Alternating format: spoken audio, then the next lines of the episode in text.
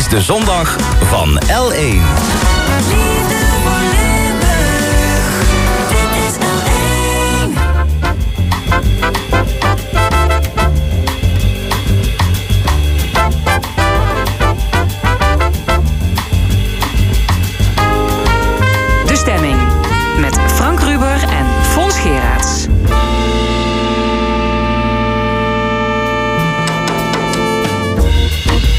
Welkom bij de stemming. Twee uur lang interviews en discussie over politiek en cultuur.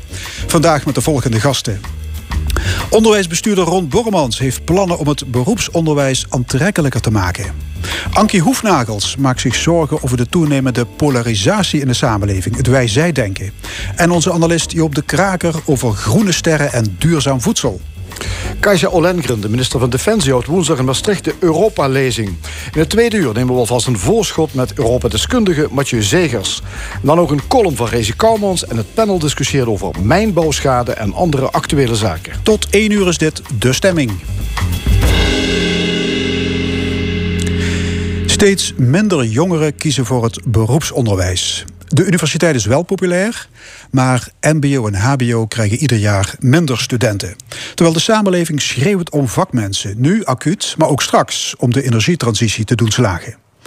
Beroepsopleidingen moeten dus aantrekkelijker worden. En daar heeft Ron Bormans, bestuursvoorzitter van de Hogeschool Rotterdam, wel ideeën over. Hij presenteerde onlangs het plan Focus op professie. Onze eerste gast, de uit Schinnen afkomstige Ron Bormans. Ja, goedemorgen meneer Bormans. Goedemorgen. Ja, uh, ja, te weinig mensen, te weinig jongeren kiezen voor het HBO, het MBO. Is het al merkbaar in Nederland dat we te weinig vaklieden hebben? Ik denk het wel. Ik denk dat het niet alleen iets wat we, wat we in de toekomst gaan zien, maar we merken het nu al. Als je, als je zonnepanelen op je dak wil, dan moet je toch een poosje wachten tegenwoordig. Uh, we zien het aan de, aan de tekorten in het onderwijs, het leraartekort. Het begint spannend te worden in de gezondheidszorg, omdat uh, zowel uh, zeg maar, uh, meer en meer tekorten zijn waar het gaat om MBO en HBO-verpleegkundigen. Ja, dat... dat... dat zijn zo wat voorbeelden. Waardoor we het gewoon, dat, dat, dat hele abstracte idee van dit tekorten merken we gewoon elke dag al. En dat wordt alleen maar erger. Ja, dat, dat is op dit moment al, al merkbaar dat we te weinig vakmensen hebben. Ja, hoe zien de komende jaren eruit? Komen er dan nieuwe lichtingen, verpleegkundigen, technici ja, die, die voor het HBO hebben gekozen of het MBO? Nou, ik denk, ik denk dat we met z'n allen nog onvoldoende realiseren dat. Uh, ik, ik, het, is, het is prachtig weer, ik wil geen doemdenker zijn, hè, maar ik denk wel dat we ons de, de, de, nog onvoldoende realiseren dat de grote problemen nog, maar, nog, nog staan aan te komen. Als je bijvoorbeeld kijkt naar de gezondheidszorg. Daar werkt nu ongeveer uh, 1, op, 1 op 6, 1 op 7 van de beroepsbevolking werkt in de gezondheidszorg. Is een beetje afhankelijk van hoe je het definieert. Als je de zorg extrapoleert naar de toekomst, hè, we worden allemaal ouder met z'n allen, de zorg wordt steeds intensiever, noem maar op. Maar dan gaat dat naar 1 op 3. Dat is een, een getal uit het WR-rapport. Dus zal dus betekenen dat 1 op 3 op de beroeps, van de beroepsbevolking eh, daar moet werken. Dus dat zijn enorme opgaven die we met z'n allen hebben. Deels ook opgaven die een effect moeten hebben op de gezondheidszorg zelf. Maar goed, daar gaat het nu even niet over. Maar ook dat we alle zeilen bij moeten zetten om, de, om, de, uh, ja, om, de beroeps, om, om, om, om het beroepsonderwijs aantrekkelijk te maken. Als je kijkt nou, wat, wat er gaande is, eh, wat u net zelf even zei, rondom de energietransitie. Van, van, van, van, van mensen die, die systemen moeten ontwerpen, nieuwe energiesystemen, tot en met mensen die de zonnepanelen op het dak leggen. Of die dat on onderhouden doen aan windmolenparken. Ja, dan hebben we zo gigantisch veel mensen nodig. Uh, dat denk ik bij mezelf, ja. Uh, werk aan de winkel, zorg dat in Nederland dat beroepsonderwijs interessant gevonden wordt. Want anders gaan we echt een probleem krijgen. Ja, u zegt zorg dat het beroepsonderwijs interessant genoeg gevonden wordt. Waarom kiezen meer leerlingen voor de universiteit en minder voor het HBO? Wat zou er aan de hand kunnen zijn? Nou, kijk, van de, er zijn een aantal. Uh, het is, een, het is een, een, een, een vraagstuk wat eigenlijk cultureel heel diep in ons verankerd is. We zijn toch de universiteit meer en meer gaan beschouwen als het hoogste goed. En uh, waardoor er in Nederland gewoon een enorme, wat ik dan maar altijd noem, een soort uh, opwaartse druk is om zo hoog mogelijk te eindigen. En dan ook nog eens een keertje niet aan de, aan de blauwe boordenkant, hè, maar aan de witte boordenkant, als je snapt wat ik bedoel. En, en dat zit heel diep cultureel in ons, in, in, in, ons land verankerd. Ik, ik durf te beweren sterker dan in andere landen. Maar het is ook een kwestie van. Uh, uh, dus zeggen ouders tegen kinderen: ga naar de universiteit. maar het is ook een, een, een, een, zakelijke afweging in die zin van als je gewoon naar, naar het loongebouw kijkt, dan betaalt het ook gewoon beter. Ja. Dus het is niet alleen iets wat verankerd is in in onze cultuur. Uh, maar het is ook gewoon vanuit het perspectief van jonge mensen gemiddeld genomen een rationele keuze. En dan weet ik wel, de, ja. de, de, de, de, loodgieter om de hoek die verdient tegenwoordig een vermogen. Maar als, je, uh, nou ja, dat, als die mensen dat horen, denken ze ook een vermogen is, is overdreven. Maar in ieder geval, die verdient goed.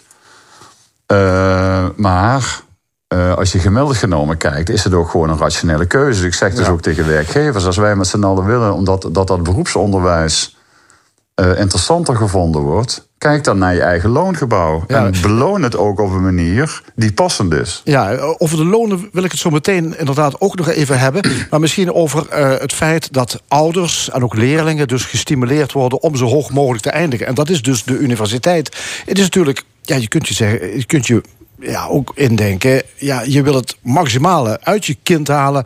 En een leerling wil het maximale uit zichzelf halen. Ja, en dan ga je voor het hoogst mogelijke. Wat, daar, ja, maar dan moet je dus zorgen dat, dat het beroepsonderwijs ook gezien wordt als het hoogst mogelijke. Dus ik, ik, ik, uh, pardon, ik, uh, ik draai de redenering om. Natuurlijk doen ouders dat. Ik, heb dat, ik doe dat zelf ook. En, uh, en je, je, gunt, je gunt je kind het allerbeste. Maar er zijn twee dingen die we in de gaten moeten houden. Uh, niet voor alle jonge mensen is de universiteit het allerbeste. stond deze week een interessant artikel in de Volkskrant van, van de tv-bouwkundige Bob Sikkes. Die zei van ik ben blij naar het hbo gegaan ben. Daar heb ik de echte dingen geleerd die ik moest leren. Dus het, niet, niet elk kind is super gelukkig op de universiteit. Dat is één. En twee, als samenleving moeten we dat beroepsonderwijs zodanig neerzetten... dat het ook voor mensen gezien wordt als het hoogst haalbare... Wat overigens 20, 30 jaar geleden in heel veel domeinen ook zo was. Hè? Het is zo, eh, als voorbeeld, uh, als je vroeger uh, ateneum gedaan had, dan was het een hele logische keuze dat je naar het HBO ging, omdat het HBO beschou beschouwd wordt in, in, jouw vakgebied als het hoogst haalbare. Ja, hoeveel kinderen, leerlingen van VBO kiezen nu nog voor HBO? Nou, dat, is, dat, is een, dat, is, dat was ooit 25, 30 procent. Dat is nu, van onze instroom is nu nog maar een procent of vijf afkomstig van het voortgezet wetenschappelijk ja. onderwijs. En de keuze begint misschien al eerder. Hè? Op de basisschool wordt natuurlijk ook al voorgesorteerd op HAVO-VWO. Veel meer dan voor VMBO. Ja, je ziet, het, uh, je ziet het overal aan de cijfers terug. Het klopt wat u zegt, is dat die, die, die, die opwaartse druk die ervaren mensen niet eens. Uh, uh, die, die, varen, die ervaren mensen niet uh, op het moment dat, dat de keuze aan de, aan de orde is van kies ik voor het HBO, kies ik voor het WO. Maar je merkt het ook al dat, dat als mensen het VMBO kunnen vermijden, met name de beroepsgerichte tak, dan doen ze dat. Je ziet dat in de verhouding tussen het HAVO en het MBO, het HAVO, de HAVO groeit en het MBO ook in een krimpscenario terechtgekomen is. Dus, dus, dus dit is een, het is een soort opwaartse druk. Maar het is ook zeg maar, uh, uh, cultureel diep verankerd om te proberen zeg maar, naar het algemeen vormend onderwijs te gaan in plaats van het beroepsonderwijs. Dus het eh, witte woordenonderwijs. Komt er een moment dat er meer kinderen kiezen voor HAVO-VWO dan voor het VMBO? Is dat, dat denk ik. Dat is gaande. Dat is gewoon die, die lijnen kun je doortrekken. Ja, is het, uh, ja, je zou kunnen zeggen, het is misschien nog een, een prachtig voorbeeld van emancipatie van bepaalde groepen die nooit naar de universiteit konden. Ja, die hebben blijkbaar zijn er nu mogelijkheden voor iedereen om de universiteit te bereiken. Dat is zeker. En ik gun het mensen ook. Hè. Ik bedoel. Het, en en, en, en dit, heeft ook niks te maken met het feit dat universiteiten zijn fantastische instituties uh, maar uh, even over die, over die emancipatie gesproken. Dat vind ik interessant dat u dat zegt. Als je naar de historie kijkt, dan is de, de, de, de beroepskolom... dat is de plek via welke zeg maar, de emancipatie heeft plaatsgevonden. Dus als je, als je gewoon als je naar de statistieken kijkt... en als je kijkt naar de participatie van, de, van naar de brede participatie van deelnemers... in het Nederlandse onderwijs en het Nederlandse hoger beroepsonderwijs en uh, dan, dan is het via de beroepskolom, zoals ik het altijd noem, dus het VMBO, het MBO en het HBO, dat die emancipatoire processen hebben plaatsgevonden. En, uh, en dat, dat uiteindelijk ook zeg maar, die, die emancipatiegolf, uh, uh, die emancipatiegolf ook over de universiteit heen gaat. Ja, dat is alleen maar goed. Iedereen heeft recht op alles in dit land, vind ik. Als je het vermogen hebt, moet je het kunnen doen. Maar we hebben HBO's over emancipatiebewegingen dan moet je je beroepskolom koesteren, want dat is extreem belangrijk. Ja, u bent voorzitter van de commissie Positionering Hoger Beroepsonderwijs. Jullie hebben een uh, toekomstvisie voor het HBO gepresenteerd. Het HBO moet anders. Wat moet er veranderen op het HBO? Nou ja, kijk, ik denk, ik denk uh, wat ik altijd zeg: het uh, hoger beroepsonderwijs moet, moet niet iets anders gaan doen, maar moet een betere versie van zichzelf worden. En wat bedoel ik met de betere versie van zichzelf worden, is dus eigenlijk van die, dat. dat dat wat beroepsgerichte uitdiepen en moderniseren. Nou, wat ik bedoel met moderniseren, je ziet op heel veel plekken uh, op de arbeidsmarkt dat er een behoefte is aan masteropleidingen. Uh, zeg maar dat het, uh, wat wij dan noemen, niveau 6. en ik denk dat het heel belangrijk is dat het HBO aanslag krijgt, de ruimte krijgt, gestimuleerd wordt om heel veel beroepsgerichte masters te gaan programmeren. Dat is, dat is heel erg belangrijk. In het HBO is er ook sprake van, van, van wij, wij doen aan onderzoek. Wij moeten meer speelruimte geven om ook ons onderwijs als het ware te doordrenken met onderzoek. Dat is een hele belangrijke. Als je dat doet en als je daarmee een set van, van beroepsgerichte masteropleidingen positioneert in die hogescholen, dan is daarmee ook het hoogst haalbare, want de masteropleiding wordt toch beschouwd ook als het hoogst haalbare is ook een hele interessante optie voor dat hoger beroepsonderwijs. Ja, hier aan tafel dat dan ook heel veel VWO'ers, met name de mensen die wat, ja, die wat, wat praktisch gericht zijn, die graag in een concrete context willen werken en willen leren, dan weer de weg terug weten te vinden naar dat hoger beroepsonderwijs. Ja, hier aan tafel zit Ankie Hoefnagels. Ze is eigenlijk de gast voor het volgende onderwerp, maar eh, ook lector aan de uh, Zuidhogeschool. Als u dit hoort, uh, wat, wat denkt u? Is dat inderdaad een weg die het HBO moet gaan? Dus meer plek voor onderzoek, voor masters en dergelijke? Nou, het zal je, zal je niet verbazen dat ik het daar helemaal mee eens ben. Ik ben het heel erg eens met Ron Bormans. Het HBO heeft misschien op dit moment een beetje een imagoprobleem, maar er gebeuren heel veel mooie dingen. heel sterk is het onderzoek uh, met lectoraten bij ja. Zuidhogeschool. Maar ik begrijp niet genoeg dus. Nou, we hebben 28 lectoraten. En ik, misschien kan ik zeggen dat André Postema, onze nieuwe collegevoorzitter, die afkomstig uit het uh, uit, van de Universiteit Maastricht, dat die zei uh, in een gesprek: oh, Ik ben echt diep onder de indruk van het onderzoek dat bij jullie in het HBO gebeurt. Verder ontwikkelen we inderdaad ook momenteel aan de, aan de academie waar ik werk twee masteropleidingen. En je ziet dat dat een verdieping en verrijking is van het onderwijs. Wat ik vooral denk is dat. HBO en universiteit al veel meer naar elkaar aan toegroeien zijn dan mensen weten. Dus uh, HBO, HBO-instellingen zijn onderzoekender geworden. En universiteiten zijn meer aan stages en praktijkervaring gaan doen.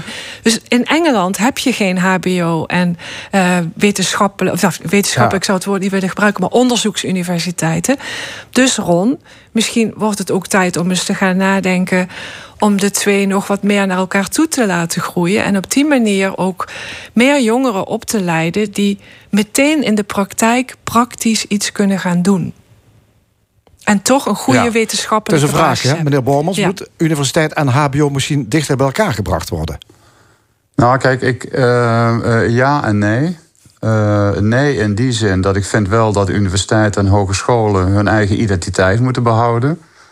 Ik denk dat er in het, in het, in het hoger onderwijs behoefte is aan, aan, aan, aan instituties die zeg maar, zich iets meer laten inspireren door de, door de researchkant. En, en instituties die zich laten inspireren en het onderwijs ontwerpen vanuit, vanuit een beroepsgerichte opdracht. Dus, dus in zoverre hou ik wel heel erg van verschil. Moet het niet, uh, moet het niet uh, ja, om een beetje, een beetje plat te zeggen, één pot nat te worden. Waar ik het wel mee eens ben, is dat de condities waaronder universiteiten en hogescholen hun werk kunnen doen, dat die gelijk getrokken moeten worden. Hè? Dus dat je, ja. dat je zegt van uh, dat ook de hogescholen de aanslag krijgen, de financiële middelen om die onderzoekstaak door te ontwikkelen. Een gelijk speelveld. Uh, dat, precies, ja, precies. Dus wat ik zeg, het speelveld moet gelijk worden. Om daarmee de institutie de kans te geven verschillend te zijn. Ja, dan, dus de HBO moet uh, ja, uitdagender worden. Uh, dat, dat concludeert u. Van de andere kant, u zei het al, de salarissen moeten natuurlijk oog omhoog. Hè. Je kunt een prachtige opleiding hebben. Uh, leerlingen weten ook wel wat ze gaan verdienen. Maar ik dacht, ja, weet je, salarissen stijgen toch ook als er meer behoefte is aan een bepaalde groep. U noemde al de elektricien. Ja, er, er, is een behoefte. En ja, een elektricien die heeft best een goed salaris daardoor, denk ik nu. Dus is dat dan zo'n probleem? Ja, dat is, ja, nou, ik gun het die elektricien, want inderdaad, ik, ik merk het zelf ook. Als ik ze inhuur, dat die goed salaris hebben. Maar ik, ik gun het die mensen zeer. Maar waar het om gaat is dat heel veel van, uh, uh, heel veel, van uh, heel veel mensen die zeg maar, een beroepsopleiding doen, die werken ook in de publieke sector. En dan gaat dat beduidend minder hard dan nu verondersteld. Ja, de verpleegkundige is naar de gezondheidszorg. Ja. Als je, als, je, als, je, als je verpleegkundige wordt, nou, dat is echt geen vetpot hoor. En, uh, en, daar moeten we dus- bereid zijn om voor te betalen, zegt u. Daar moeten we gewoon bereid zijn om voor te betalen. Dus als je, als je kijkt naar de docentsalarissen... zijn over de afgelopen jaren behoorlijk opgetrokken hoor. Dus daar, daar, zit, daar, zit, daar zijn wel stappen gezet.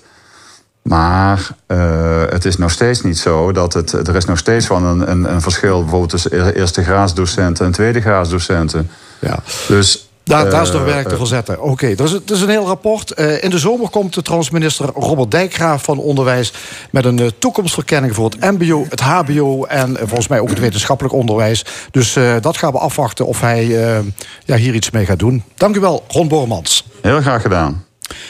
Zometeen aan de stemming. U hoorde haar eventjes. Ankie Hoefnagels, lector bij de Zuidhogeschool... over de vraag waarom wordt er niet meer naar elkaar geluisterd? Hoe kunnen we onze empathiespier trainen? Maar eerst een fraaie compositie van de Amerikaanse singer-songwriter... Daryl Scott, East of Gary.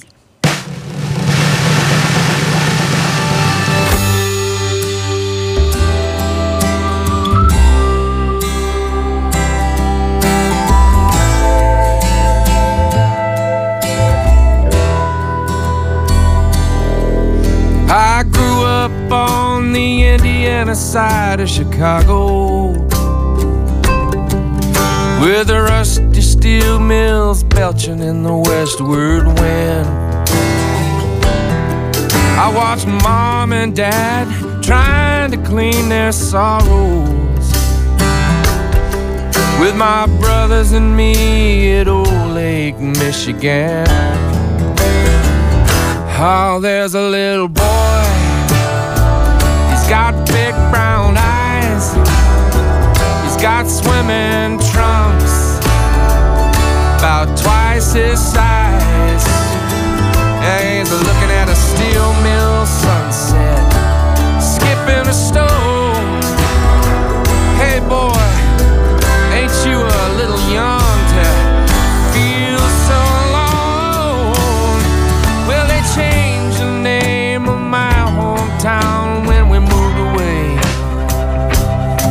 Now it's more than words that I don't recognize. That kid down at the filling station, he tried to keep my change from a 20. And I could see that cold assurance in his eyes. Hey, you need $10.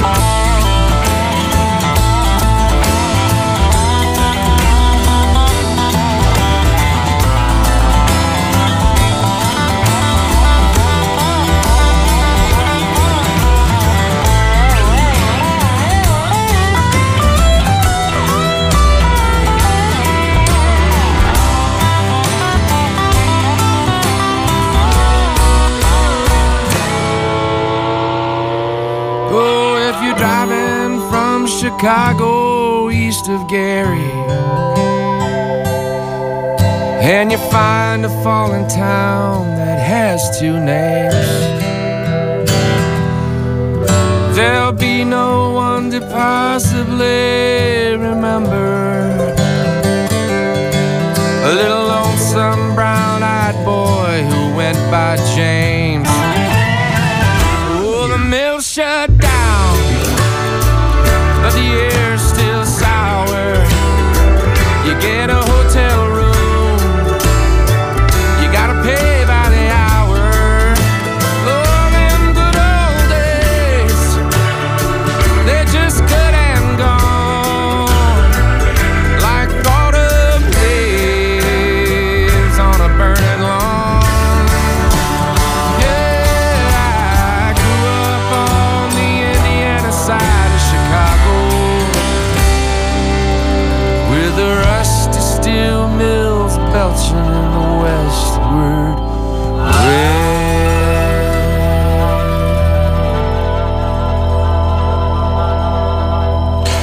Daryl Scott in De Stemming van L1. Het kan niemand zijn ontgaan dat het sociale verkeer er niet vredelievender op wordt. Integendeel, het is polarisatie wat de klok slaat. We wentelen ons allemaal in het eigen gelijk. En de bereidheid om andere geluiden aan te horen, laat staan accepteren, is minimaal. Dat is Ankie Hoefnagels een doorn in het oog. Ze is lector van Zuidhogeschool en columnist van de Limburger.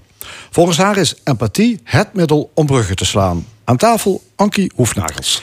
Ja, mevrouw Hoefnagels, dat, dat gevoed erop andersdenkende, hè, de, de onwil om niet te luisteren, is aan te wijzen wanneer dat is begonnen? Ja, dat is lastig te zeggen. Polarisatie is een proces. Het is niet een gegeven. Het is iets wat langzaam groeit en waarbij verschillende groepen tegenover elkaar komen te staan. En maar is er niet een brandpunt te noemen Ik denk waarop dat- het is dat- begonnen te gisten? Ik denk dat polarisatie iets is van alle tijden. Als je kijkt naar de Hutus en de Tutsis in Rwanda, de Balkanoorlog, eigenlijk alle oorlogen, daar stonden twee groepen tegenover elkaar. Die zijn in een langzaam proces elkaar gaan haten. En uiteindelijk is men overgegaan tot geweld. In Nederland hebben we altijd zuilen gehad om de katholieken en protestanten uit elkaar te houden. Met hun eigen eh, eh, instituties. Maar op een gegeven moment, die ontkerkelijking, zijn mensen een fundament verloren. Een een, een gemeenschap waar ze, bij thuis, waar ze zich in thuis ja, voelden. dus door de individualisering kun je Ik denk in en, social, en social media dan? Uiteraard. Ja, social media zijn eigenlijk een soort katalysator voor polarisatie. Want waar je voorheen de krant las, met mensen in de buurt sprak, eh, op je werk misschien, kun je nu ongestoord eh, met een mitrailleur schieten op alles wat anders denkt. Eh, ook nog vaak anoniem. Wat, eh, hè, en je vindt je eigen kanalen, je eigen groepen, ook waarin je dan gelijkgestemden ontmoet. Dus ook mensen die elkaar nooit zouden ontmoeten, vinden elkaar nu in hele extreme meningen. Ja, kunt u een paar voorbeelden noemen? Over welke zaken is geen normaal gesprek mogelijk? Nou, ik denk dat, dat u dat zelf ook wel kan bedenken. Als je denkt aan boer versus hoogopgeleide, randstedelijk eh, racisme. eh, eh, gender eh, issues bijvoorbeeld. Er zijn zoveel thema's waar mensen gewoon. Zwarte Piet, ja, corona. Uiteraard, ja. ja. Dus het eigen gelijk is heilig. De Ja, bubbel. precies, En we zijn niet bereid om kennis te nemen van andere opvattingen. ja, dat valt mij en u vast ook wel op. Ja, en dat, dat is. kan leiden tot, tot, tot breuken. Zelfs binnen Ja. families. U heeft dat persoonlijk meegemaakt in Ja. coronatijd. Ja. Wat, wat is er gebeurd? Nou, ehm, ja, in mijn familie, eh, een, een van onze, mijn zus is. eh, als het ware door corona en ook door andere zaken wel enigszins geradicaliseerd in haar mening. En het is steeds moeilijker om dan met elkaar een normaal gesprek te voeren. En wij zijn wel uit elkaar gegroeid. Hielp niet mee dat ze ook naar Portugal is verhuisd eh, toen. En Ja, maar ze is een, een, een wappie geworden, zou je kunnen zeggen. Ja, het vind het vervelend om te zeggen, maar Ja. ja, dat is zo. Maar er kwam ruzie in de familie. En dat liep zo hoog op dat ja, het contact met de zus werd verbroken. Ja, ja, ja.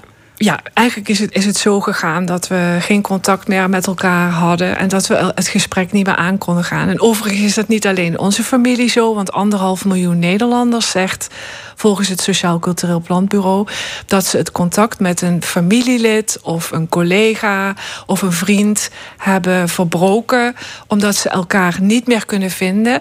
Ik hoorde laatst ook van iemand uit, mijn, uit de buurt dat zij zelfs drie zussen niet meer ziet omdat ze tegengestelde meningen over corona, gedachten over reptielen die de wereld beheersen als iemand zo denkt en het is je familielid en je kunt niet meer met elkaar praten, je kunt ook geen begrip meer voor elkaar opbrengen, dan ja, dat, dat is wel natuurlijk wel heel pittig. Ja, want maar u bent van de zachte krachten. Heeft u niet geprobeerd om het bij te leggen? Ja, ik vind eigenlijk niet zo leuk om daar nu heel erg op in te gaan. Want dat, ja, dus meer, ja, ik heb het wel uh, gedeeld in een lezing, maar uh, dat is niet iets wat me nu nee, okay. dagelijks bezighoudt. Ik probeer het meer professioneel uh, in te zetten om jongeren te helpen. En daarmee hoop ik ook een beetje de maatschappij, het welbevinden in de maatschappij, een beetje uh, beter te ja, maken. Begin dit jaar is uw zus trouwens overleden ja. aan COVID. Ja. Heeft deze gebeurtenis u aan het denken gezet over polarisatie in het algemeen? Nee, ik, ik zou ik willen zeggen dat ik daar al echt al heel lang zo over denk. Uh, dat uh, uh, ik echt het allerbelangrijkste vind dat mensen uit verschillende werelden bij elkaar komen, dat ze elkaar leren kennen. En omdat ik al heel lang, ik werk al heel lang op de Hotel Management School in Maastricht. En wij hebben een heel mooi iets, namelijk een buitenlandse stage, waar studenten uitvliegen over de hele wereld: Vietnam, Thailand, Zuid-Afrika, Verenigde Staten. En juist omdat ze dan in een praktijkstage in hotels werken worden ze volledig ondergedompeld in een andere wereld. Ja. Dus, Goed, over de oplossingen kom ik straks Ja, nog te praten. Dit, dit is wel een mooi voorbeeld. Maar is eh, polarisatie een probleem in de samenleving? Ja, Hebben veel mensen daar last van? Is dat ooit onderzocht? Ja, nou, 75% van de Nederlanders zegt in een onderzoek van het Sociaal Cultureel Planbureau dat ze er last van hebben. 75% Ik denk ook dat dat zo is. Het is toch. Het is gewoon niet fijn om te zien wat er, al, wat er allemaal gezegd wordt in talkshows, wat er, wat er in de kranten staat. Wat mij opvalt ook bij de media. Maar is dat, is dat ook niet meteen de oplossing? Als je nog eens minder op de sociale media zet... en minder naar Op 1 en naar Johan Derksen kijkt... dat al dat geroeptoeter... dan heb je toch minder het gevoel dat mensen elkaar na aan dat leven staan. Ja, ik, ik, ik denk dat dat is dan een eigen keuze die je maakt. Ja, je gaat dan van sociale media af. Dat doen mensen, media, sociale media detox. Leuk, goed idee. Maar eigenlijk zouden so- sociale media ook iets heel sociaals moeten hebben. Iets heel moois. En jammer is dat je dat niet helemaal kan filteren. Dus deels kun je wel zeggen... oké, dan ga ik helemaal niet meer sociale media gebruiken. Deels kunnen sociale media ook een geweldige manier zijn... om andere werelden te leren kennen. Ja. Dus ja, ik, ik zou zeggen dat is niet de oplossing. Overigens wel, de media, hè, waar jullie ook toe behoren... hebben ook de neiging om aandacht te besteden aan extreme. Dus er, is, eh, er zijn... eh, eh, meer, meer neonazistische bewegingen in Limburg heb ik laatst gelezen. Dus die echt aanhangers zijn van het fascisme en dat ook actief uitdragen. Er zijn groepen. Ja, daar wordt aandacht aan besteed. Minder dan aan positief nieuws. En ook niet aan het redelijk midden, waardoor je sneller gaat denken: oeh, het is allemaal wel heel akelig en negatief. Dus ik vind dat er veel aandacht voor de polen is en te weinig voor het redelijke midden. Wat ook best groot Ja. is. Ehm, vroeger had je natuurlijk ook polarisatie, u zei het zelf al. Vooral in de politiek, tussen, tussen links en rechts. Is het nu meer een, een culturele clash geworden? Hoe bedoelt u nou ja, precies? gaat het vooral over zaken als racisme, woke, gender, identiteit? Dat speelt zeker een rol. Natuurlijk speelt dat zeker een rol. Maar het, het is niet alleen een culturele identiteit clash. Er zijn ook gender. Hè? Er zijn ook eh, bijvoorbeeld gender. Het, het fenomeen eh, transgender bijvoorbeeld. eh, waar heel veel polarisatie over is. Kijk, nee, maar dat da- bedoel ik. ja, Het gaat allemaal over, het ga- over het is een soort cultuuroorlog gaande, zou je kunnen Ja, zeggen. Het gaat zou- minder tussen arbeid en kapitaal. Ah, om precies, het exact. Ja. Ja. Dus, dus de oude, zeg maar de oude kloof tussen, tussen hoogopgeleide en laagopgeleide is niet meer zozeer links of rechts, hè, van, Ja. maar is veel meer op issues, op dossiers waar mensen als, als het ware elkaar wel of niet vinden. Ja, er zijn andere kloven ontstaan. Ja, precies. Uh, hoe polariserend is de woke-beweging? onze taal wordt gekuist. Hè. Uh, romans worden gecensureerd. Standbeelden worden beklad. Uh, genderneutrale wc's worden afgedwongen. Wekt dat ook weerstand of irritatie? Nou, ja, van oorsprong is woke echt een heel mooi woord, vind ik. Het, het, het, idee van je bent wakker geworden voor systematische ongelijkheid in de samenleving. En je gaat daarop handelen. Dus niet meer discrimineren of Zwarte Piet afschaffen. Je gaat een aantal zaken doen. Dat is hartstikke mooi. Ook inclusief taalgebruik. Dat NS nu zegt beste reizigers in, dames in, in plaats van dames en heren. Doet dat kwaad? Nee, dat doet zeker geen kwaad. Maar zoals toch gebeurt, en dat vind ik echt zelf ook, het kan ook doorslaan. Dus het verhaal van Roald Dahl en de sensitivity readers is daar een voorbeeld van. Dat wekt mensen, jaagt mensen alleen nog maar meer in de gordijnen. Dus ik vind alle vormen van extremisme, van extreem denken, van doorslaan, vind ik gewoon jammer. Ja, je bent docent aan, aan Zuidhogeschool. Wat merk je daarvan op school? Ja, ik, ik spreek wel collega's van de universiteit waar het iets uh, sterker is. Hè. Mathieu Zegers heeft iets verteld over uh, University College. Ja, die, komt net, die komt net binnen. Ah, okay. uh, hoogleraar uh, hedendaagse ja. Europese geschiedenis. Heeft daar ook last van in zijn ja. colleges. Ja. Studenten nou, die dingen niet meer pikken. Ja, ik, ik heb er niet zoveel last van. Hotelmanagementstudenten zijn over het algemeen uh, best ruimdenkend of sociaal wenselijk misschien. Okay, dus, ja. dus ze denken laat ik die docent maar niet uh, uh, tegen me in het harnas jagen. Maar wat ik bijvoorbeeld wel heb gemerkt... is dat bepaalde filmpjes die ik in de klas gebruik... Diversity Day van The Office bijvoorbeeld dat studenten daarvan wel wat zeggen. Dus ik krijg wel meer opmerkingen ja, ja.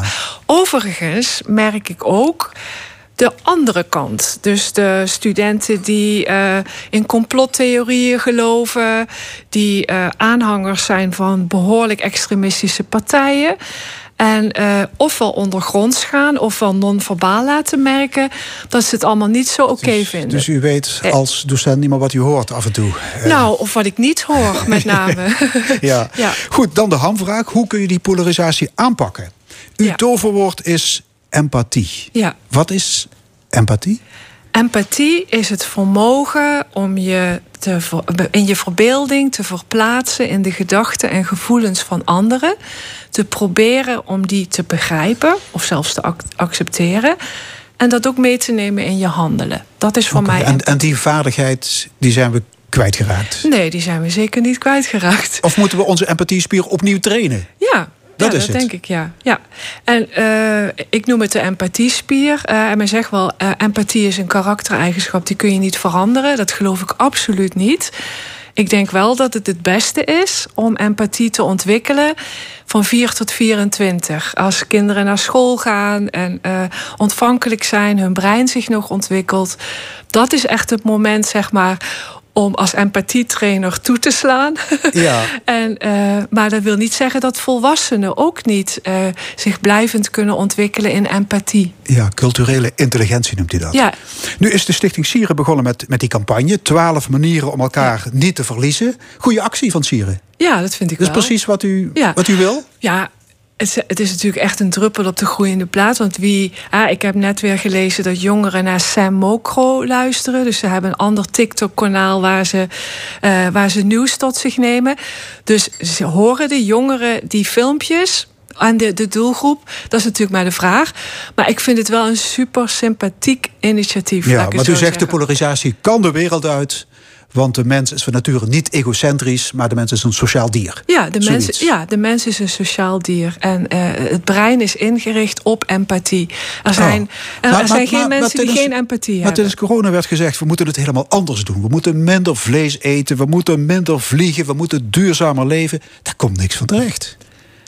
Dus egocentrisme ja? komt... Uh, is toch eigen ja, aan de mens, of niet? Onze maatschappij is natuurlijk enorm geïndividualiseerd. We, hebben het, we zijn het gevoel van gemeenschap zijn we kwijtgeraakt ergens. uh, de, de, Mhm. afgelopen decennia. En dat is dus een an, iets anders wat je kunt doen. Weer te verzorgen voor gemeenschapsgevoel. Maar als individu kun je natuurlijk ook een bijdrage daaraan leveren. Ja, u noemt trouwens empathieles een randvoorwaarde voor burgerschap. Ja. Vindt u dat empathie een vak op school moet worden? Nou, als je het als vak aanbiedt, als je het zelfs ook expliciet benoemt, dan raakt het iets van zijn kracht kwijt. Zoals je als ouders je kinderen opvoedt, noem ik met een stille hand. Dus je gaat niet zeggen: dit is belangrijk, maar je doet iets waardoor ze gaan ervaren dat het belangrijk is. Okay, dus docenten Nou, moeten dat gewoon incorporeren in de normale les. Ja, je, er is geen vak. eh, ik, ik ben niet zo kapot van het vak burgerschap. Ik geloof veel meer dat je dingen moet aanbieden in het onderwijs waar je automatisch burgerschapsvaardigheden mee ontwikkelt. Dus bijvoorbeeld in de geschiedenisles ook het veld ingaan, eh, met mensen praten, interviews afnemen. Ja, u heeft veel te danken gehad aan een leraar van de middelbare school in Heerlen. Werner Jansen, docent Duits. Waarom bent u die man zo dankbaar? Ja, ik ben hem heel dankbaar omdat hij echt een andere manier had om Duits aan te leren. Dus niet met rijtjes en grammatica, maar door ons eh, krantenartikelen te laten lezen. eh, en dan bijvoorbeeld een vergelijking te maken. Dus hetzelfde item in de Bildzeitung en de Frankfurter Allgemeine. En dan kijken welke woorden worden er gebruikt, welke accenten. Dus hij gaf ons eigenlijk mediawijsheid in de Duitse les. Dat, dat heeft mij enorm geïnspireerd. Ik ben daarna zelfs op de middelbare school ook Günter Walraaf, boeken van Günter Walraaf gaan lezen. Ik heb ook nog eens behoorlijk redelijk Duits leren spreken daardoor, omdat we altijd Duits spraken in de les. Dus ik denk dat een leraar op een middelbare school, ook een taalleraar, heel veel mee kan geven aan zijn leerlingen. Dus uw empathiespier is eh, op Nou, en top ontwikkeld. Dat wil ik niet over mezelf zeggen. Ja. Hey, en andere vreemde landen bezoeken? U zei het er straks al, andere culturen opsnuiven. Is dat heilzaam? Zeker, ja. Hoewel, je kunt als toerist gaan en helemaal niks leren. Dus dan lig je maar een week te dobberen in een resort... en dan heb je nog nooit een gesprek gehad met iemand uit een lokale cultuur. Dus je kunt net zo goed thuis op de bank een goed boek lezen. Ook, Of, ja. Maar als je er gaat werken of gaat studeren... dan kom je in contact met mensen die er wonen. In de hotelschoolstudenten van ons... die werken in de housekeeping, in de front office... samen met mensen bijvoorbeeld uit de Emiraten... leren daardoor meer over de islam... maar leren ook over het leven in de Emiraten. Mensen die veel minder verdienen dan zij... die een ander perspectief hebben in het leven.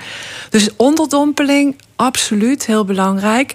Maar ook, je raakt, ja, u raakt het al een beetje aan, kunst en cultuur. Ik denk dat kunst de ultieme empathiebooster is.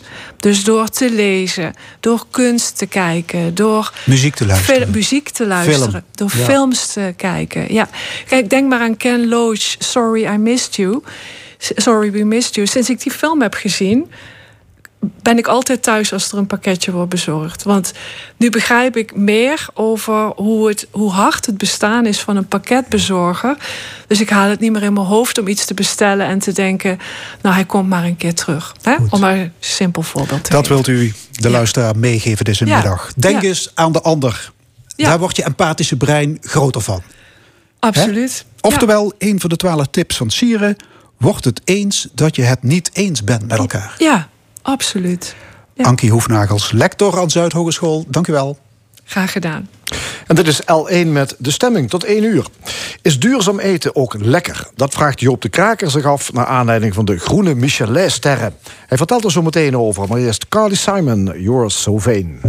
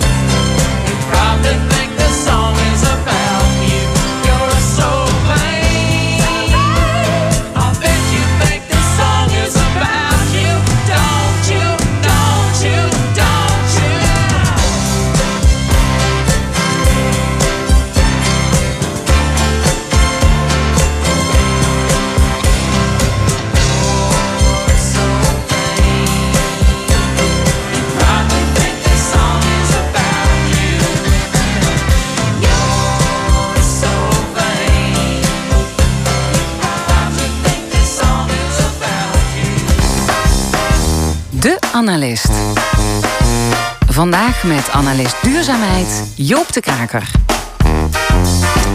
Joop, welkom. Goedemorgen. Deze week was er weer het jaarlijkse Michelin-sterrencircus.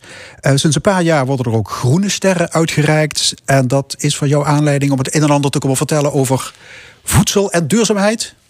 Ja, inderdaad. Ja. Hoe, hoe duurzaam is de productie van ons dagelijks eten? Nou, op dit moment uh, verre van duurzaam. Uh, dat, uh, nou ja, goed. de stikstof is natuurlijk heel veel in het nieuws geweest. Maar daarnaast heb je heel veel uitstoot van broeikasgassen door de veehouderij, door de glastuinbouw.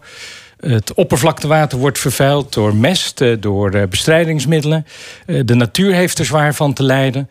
Dus het is inmiddels wel duidelijk dat er, dat er echt iets moet veranderen.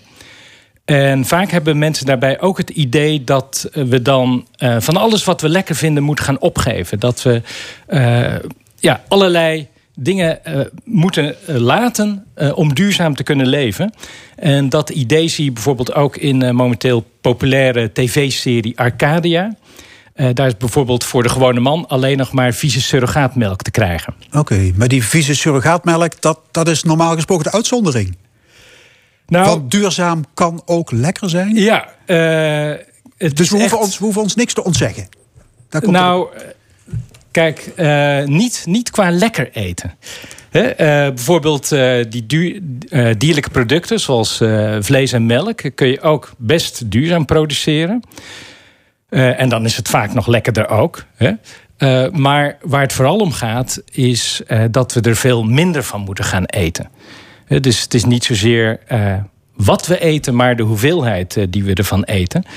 En uh, dat is niet alleen trouwens duurzaam, maar dat is ook gezond. Hè? Bijvoorbeeld eten veel te veel vlees nu voor wat gezond is.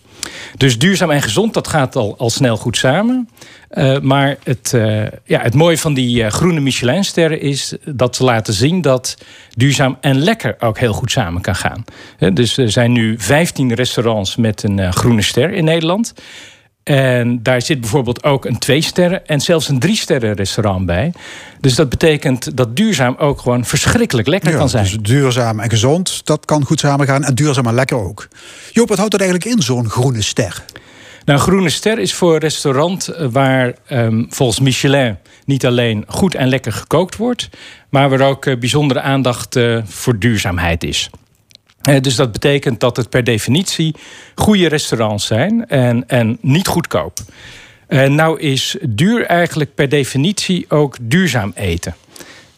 Um, omdat je milieu-impact per euro is veel lager. Dus als ik bijvoorbeeld in een restaurant met een ster 100 euro uitgeef, dan krijg ik daar veel minder eten voor. En heeft dat veel minder milieu-impact dan wanneer ik 100 euro uitgeef in een all-you-can-eat spare ribs restaurant. dus kwaliteit boven kwantiteit sowieso een hele goede vuistregel okay. voor duurzaam consumeren. Dus we moeten allemaal naar die dure vijf sterren. Maar ja, als, als ze bij de frituren 25 euro vragen voor een zak friet, wordt die toch niet duurzamer? Uh, nou, je maakt, je maakt uh, minder milieu-impact met die 25 euro op die manier. Ja. Hè? Uh, maar goed, dat is maar ja, natuurlijk niet de boodschap. Wie kan dat betalen?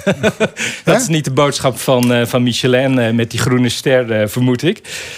Nee, dat, dat wil Michelin nee, niet overbrengen. Nee, hè? Van, is, uh, van duurzaam is, is duur. Is duur, hè? nee, nee, nee. Nee, ze hebben trouwens wel een vrij ruime opvatting van, uh, van duurzaamheid. Uh, je kunt je voor een groene ster op heel veel manieren op duurzaamheidsvlak onderscheiden. Nou, in de eerste plaats gaat dat natuurlijk om de ingrediënten die duurzaam zijn, die in het eten verwerkt worden. Denk aan aandacht voor dierenwelzijn bij vlees, uh, je zet geen vis op uh, de kaarten die met uitsterven wordt bedreigd. Uh, vaak zijn de producten lokaal. ze zijn in het seizoen, bijvoorbeeld uit de eigen tuin of het eigen voedselbos. Of er wordt samengewerkt met lokale producenten, zoals tuinders en vissers en jagers. dus dat lokaal en duurzaam. En, en in het seizoen zie je veel. Uh, en wat je ook veel ziet, is uh, sterk nadruk op uh, plantaardige producten. Dus geen of heel weinig vlees. Ja, en in de zaak kunstbloemen in plaats van. Echte bloemen. Eh, Ja, kunstbloemen gaat denk ik net iets te ver voor een Michelin-restaurant. maar wat je inderdaad wel ziet, eh, is eh, bijvoorbeeld droogbloemen. Hè? Of, of hele mooie ja, eh, Ja, bloemenensembles die, die gewoon jaren meegaan... in plaats van elke keer hele mooie, maar ja, niet zo duurzame verse Ja, bloemen. precies, dat bedoel ik. Ja. Ja. Frank. Ehm, ja, dan kun je ook stellen... Ja, die groene ster, misschien is dat eigenlijk ehm, ook een beetje overbodig. Hè? Mo- Moet duurzaamheid, moet dat eh, niet sowieso een voorwaarde zijn... om die echte Michelinster te krijgen? Ja, dat is, een goede vraag. Er is eh, inderdaad ook eh, discussie over. Er zijn mensen die zeggen van ja, als duurzaamheid niet de voorwaarde is om een Michelinster te krijgen, van ja, hoe serieus neemt Michelin duurzaamheid dan eigenlijk? Hè?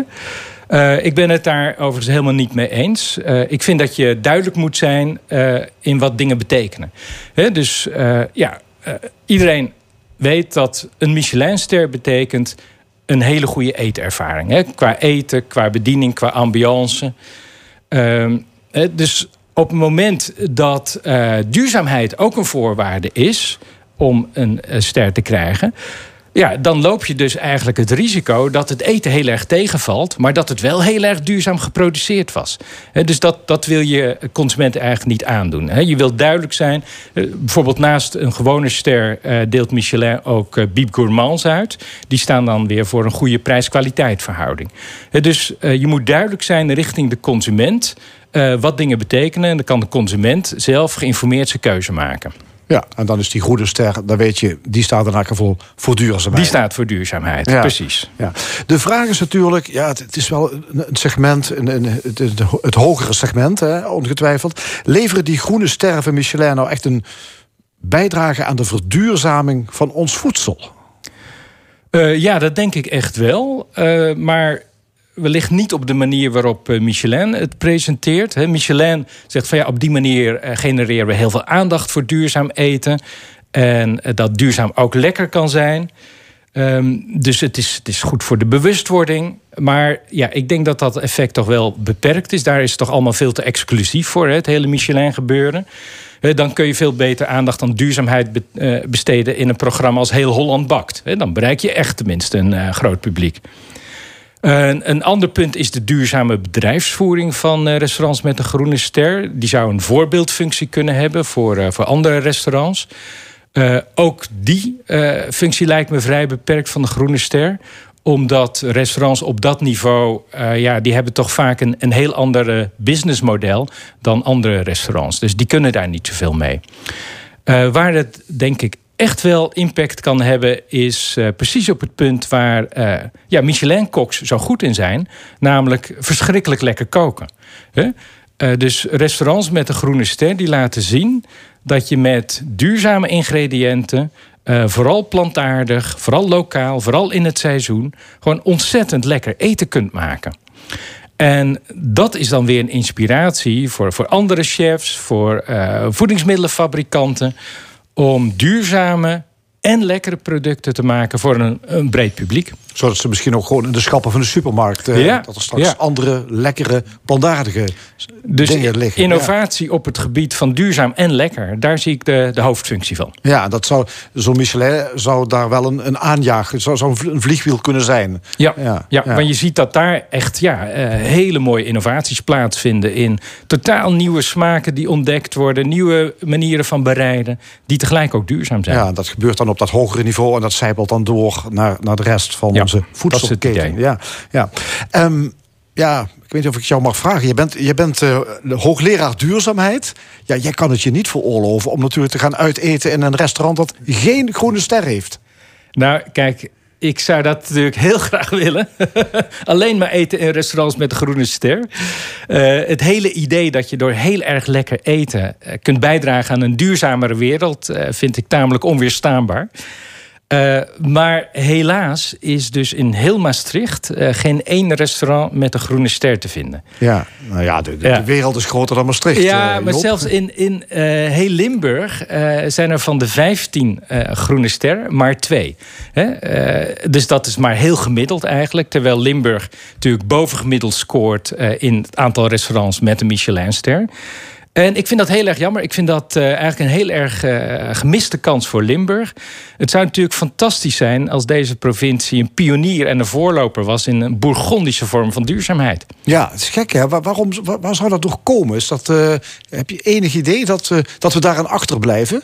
Ik denk toch een beetje de traditionele conservatieve houding die ja, Limburg een beetje eigen is. Ja, en dan blijven ja. we toch maar een beetje lekker doorkoken zoals we het, uh, het altijd het, gedaan het, hebben. Het oude Bourgondische eten. Ja, ja. we moeten eigenlijk ja. voor uh, de, de Fred Soervlees... daar zou een... Uh, ja, daar zou een duurzame variant voor moeten worden ontwikkeld. Ja, een, een heel mooi gefermenteerd knolletje of zo. Ja, ja, ja.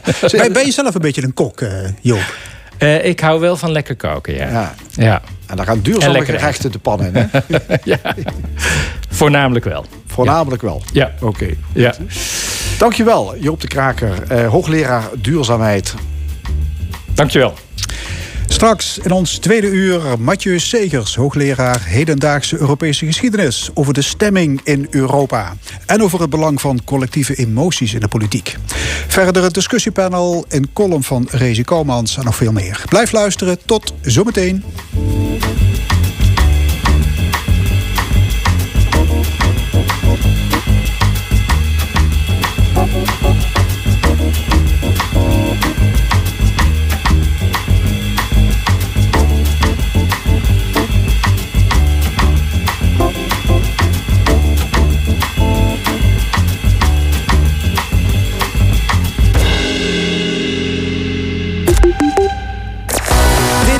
De zondag van L1.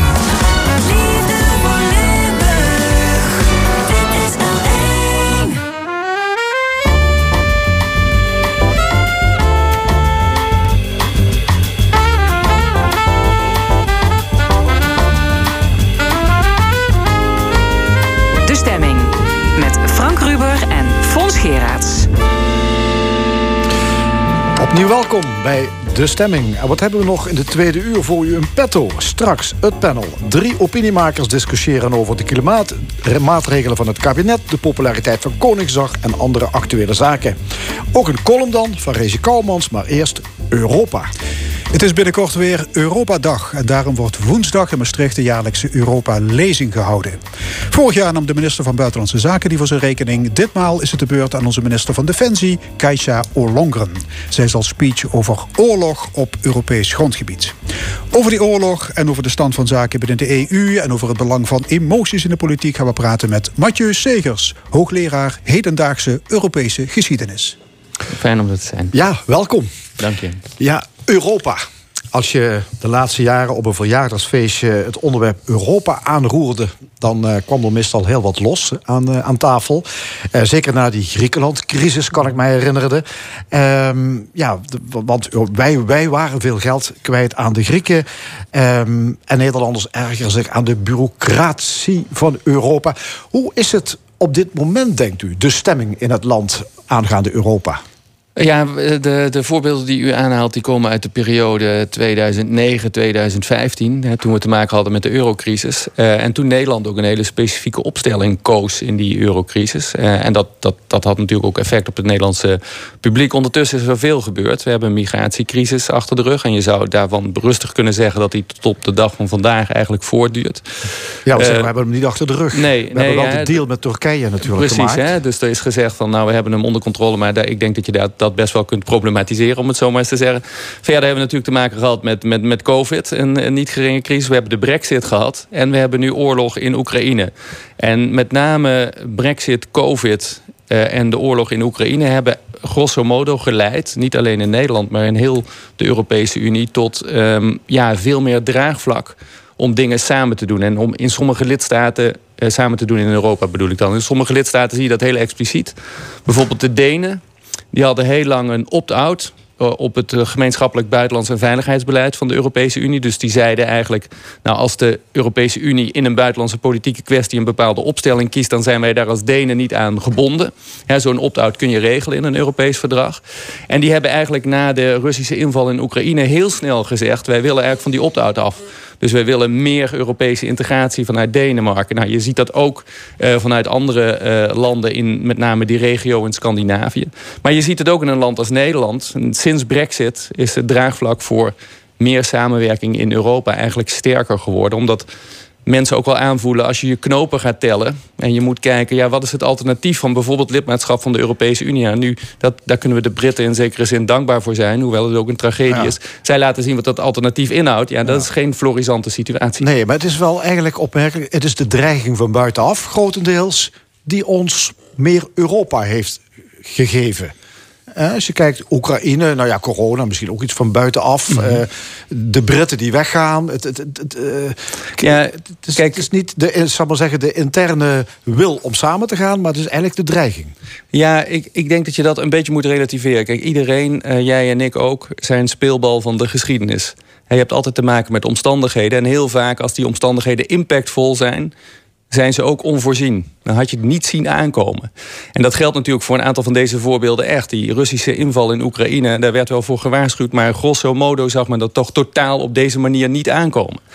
Dat leidt er dan toe, als zoiets gebeurt... dat je je moet herbezinnen op je eigen positie. En daarom noemde ik net ook het, het spreekwoord knopen tellen. Dat zijn momenten waarop je je knopen gaat tellen. Ja, wat, wat kan ik doen?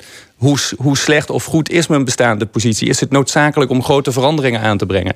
Nou, en in de huidige omstandigheden van de afgelopen jaren... zie je eigenlijk dat iedere keer de conclusie dezelfde is. En dat was in de eurocrisis ook al zo. Als er een eurotop was, was uiteindelijk wel de conclusie... we gaan niet uit elkaar. Hoe moeilijk het ook is, hoeveel oneenigheid er ook is... we moeten doorzetten, want dat is per saldo voor ons allemaal beter. Ja, nou ja, het is ook niet voor niks dat je het woord nexit, geloof ik, dat heb ik al heel lang niet meer Nee gehoord. dat, hè. nee, dat is niet zo populair. En dat, en mensen voelen ook aan dat dat niet realistisch is. Ja, terwijl, eh, ja, met Europa is natuurlijk, ja goed, dat is ook eh, van alles altijd wel mis natuurlijk. We hebben het, eh, ja, het grote schandaal gehad, hè, het omkopingsschandaal, waarin de Griekse vicevoorzitter van het Europees Parlement, Eva Kaili, die is uit haar functie gezet.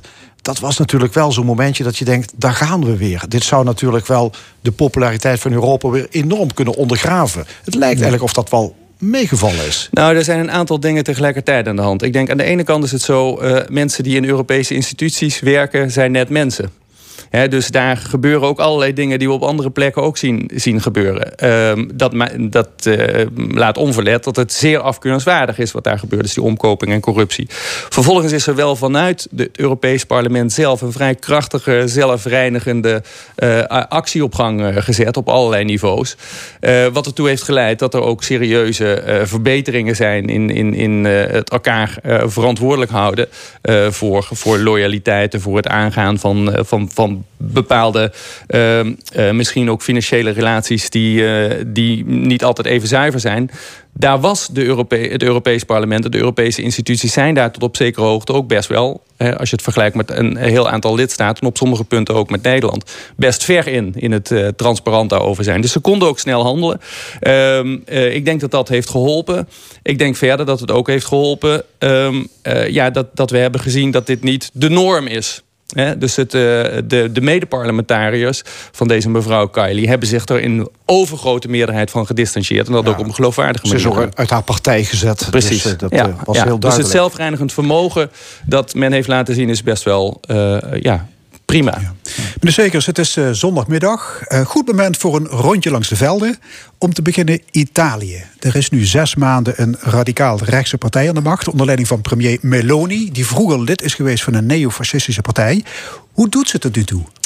Eh, ja, dat is een complexe vraag die u mij, Ja. die u mij stelt. De vraag is eigenlijk, is iets te merken van die fascistische achtergrond? Ja, ja en nee. Eh, dus ehm, zij kiest voor een, een, een, een- koers die aan de ene kant veel gematigder is dan menigene had verwacht. En dat geldt met name op de buitenlandspolitieke onderwerpen. Men was heel erg bang bijvoorbeeld voor een confrontatiekoers van Italië onder Meloni binnen de Europese Unie. Dat men zou zeggen, we willen bijvoorbeeld uit de Ja, eurozone. is niet. Helemaal niet. Het tegendeel zou je kunnen zeggen. Ze is op, eh, naar Brussel gereisd met allerlei constructieve eh, posities vanuit Italië. Men was bang dat Italië onder Meloni misschien eh, richting Poetin openingen zou gaan, eh, gaan bieden. Dat is ook in tegendeel absoluut niet gebeurd. Ze heeft heel strak vastgehouden aan de pro-Atlantische koers die Draghi voor haar had Nou ja, ingesteld. maar, maar ze is de leider van de Broeders van Italië. Ja. Ik las een interview met een Britse historicus. En die zegt: Ik voorspel geen terugkeer van het fascisme. maar wel een kruipproces naar het autoritarisme. Nou, ik Wat zou, denkt u daarvan? Nou, ik heb zelf eh, over dit onderwerp in mijn eh, column in de Groene Amsterdammer eh, geschreven onlangs. Ik denk dat het fascisme terug is. Hè? Dus ik, ben, ik, zou een stapje verder willen gaan dan deze Britse historicus. Ik weet niet wie het is. Maar dit is een fascistische partij. En dat kom, dan kom ik bij het tweede punt van mijn analyse. Het lijkt gematigd. Maar het is niet gematigd. Als je kijkt wat eh, Meloni doet in de binnenlandse politiek, dan zijn er een aantal aanwijzingen dat er, een dat er consistente lijnen vanuit die fascistische geschiedenis gewoon nu doorgetrokken worden in de, in de praktijk. Wat gebeurt er met eh, ehm, eh, eh, herdenkingen rond de Tweede Wereldoorlog? Die worden eigenlijk gebagatelliseerd eh, in de, in de eh, Italiaanse pers. Daar zijn grote controversies over, dat krijgen wij in Nederland niet mee. Eh, wat gebeurt er met het optreden van Mussolini en de zijnen in de Tweede Wereldoorlog? Dat wordt genormaliseerd. Hè? Men is, eh, Meloni is ook vrij open over het feit dat zij Mussolini op heel veel manieren Ja. als een inspiratiebron ziet nog maar steeds. hoe valt dit allemaal te rijmen met lidmaatschap van de Europese Unie? Ja, ze zijn lid van de Europese Unie. Nee, dat begrijp ik. Maar is dat, is dat nog te handhaven dan? Eh, bedoel, ja, wat- kijk, eh, we hebben ook eh, Viktor Orban in de Europese eh, Unie op dit moment. En de Europese Unie is een samenwerkingsverband van, van, van lidstaten. Die lidstaten zijn vervolgens, dat zijn democratieën. Dat is een van de, van, de, van de voorwaarden om toe te treden als lid tot de Europese Unie. Vervolgens is het aan die democratieën zelf natuurlijk om eh, hun, hun binnenlandse organisatie in te richten. En dan, eh, dan kan dit gebeuren. Ja, maar we hebben wel- kennelijk een eurocommissaris waarde nodig om dit allemaal een beetje in de gaten te houden. Nou, Terwijl de EU is toch een waardegemeenschap, per Nee, ik definitie? denk dat ik kijk, eh, het is heel simpel om te denken dat als je daar iemand boven zet als een soort politieagent, dat het dan in orde komt. Ik denk dat het tegendeel het geval is. Ik denk dat dat eerder een koren op de molen zou zijn van een partij als Giorgia Meloni, dan dat ze daar eh, last van zou ondervinden. Kijk, wij, de Europese Unie is een samenwerkingsverband van democratieën.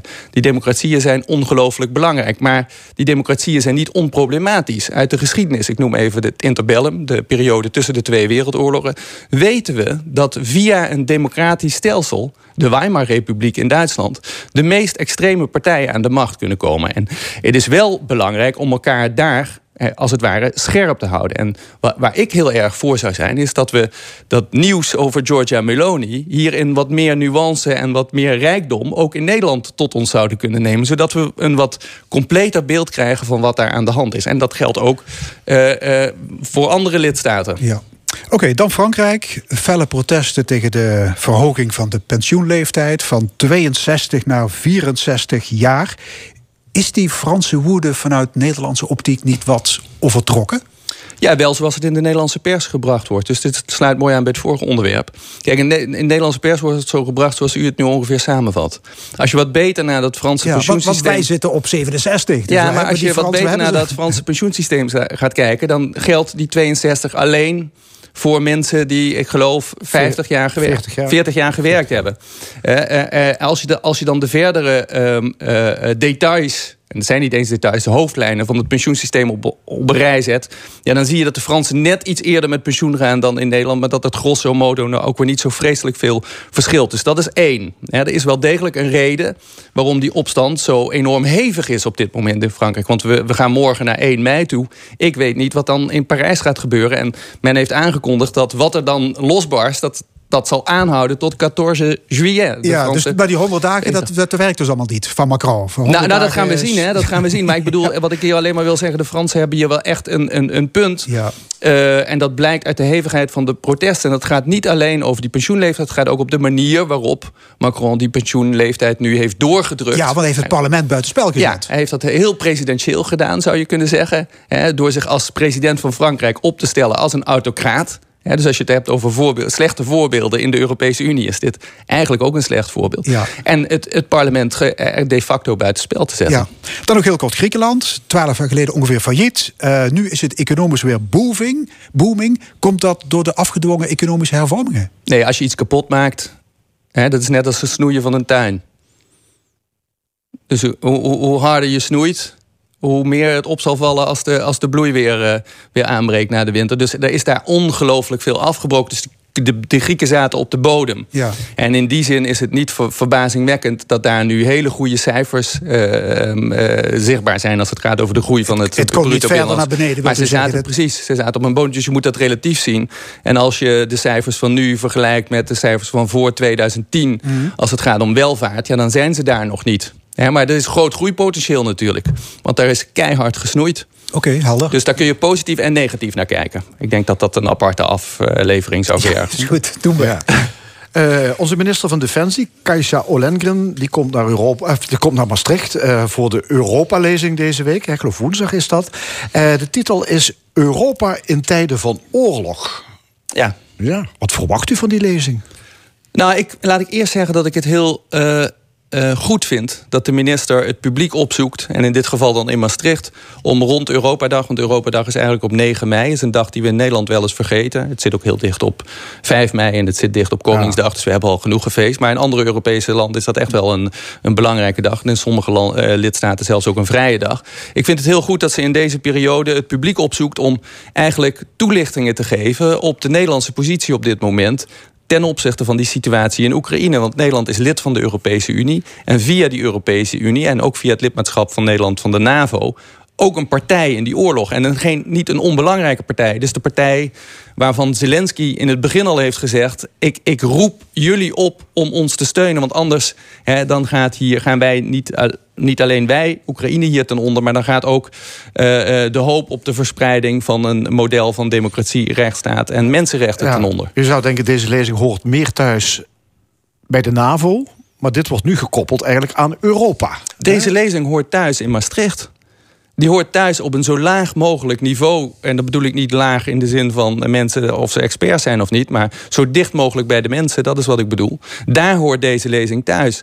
Deze oorlog is geen ver van ons bedshow. In Nederland hebben wij op allerlei terreinen al te maken met de consequenties van het feit dat wij via ons eigen buitenlands beleid, de Europese Unie en de NAVO een partij zijn in deze oorlog.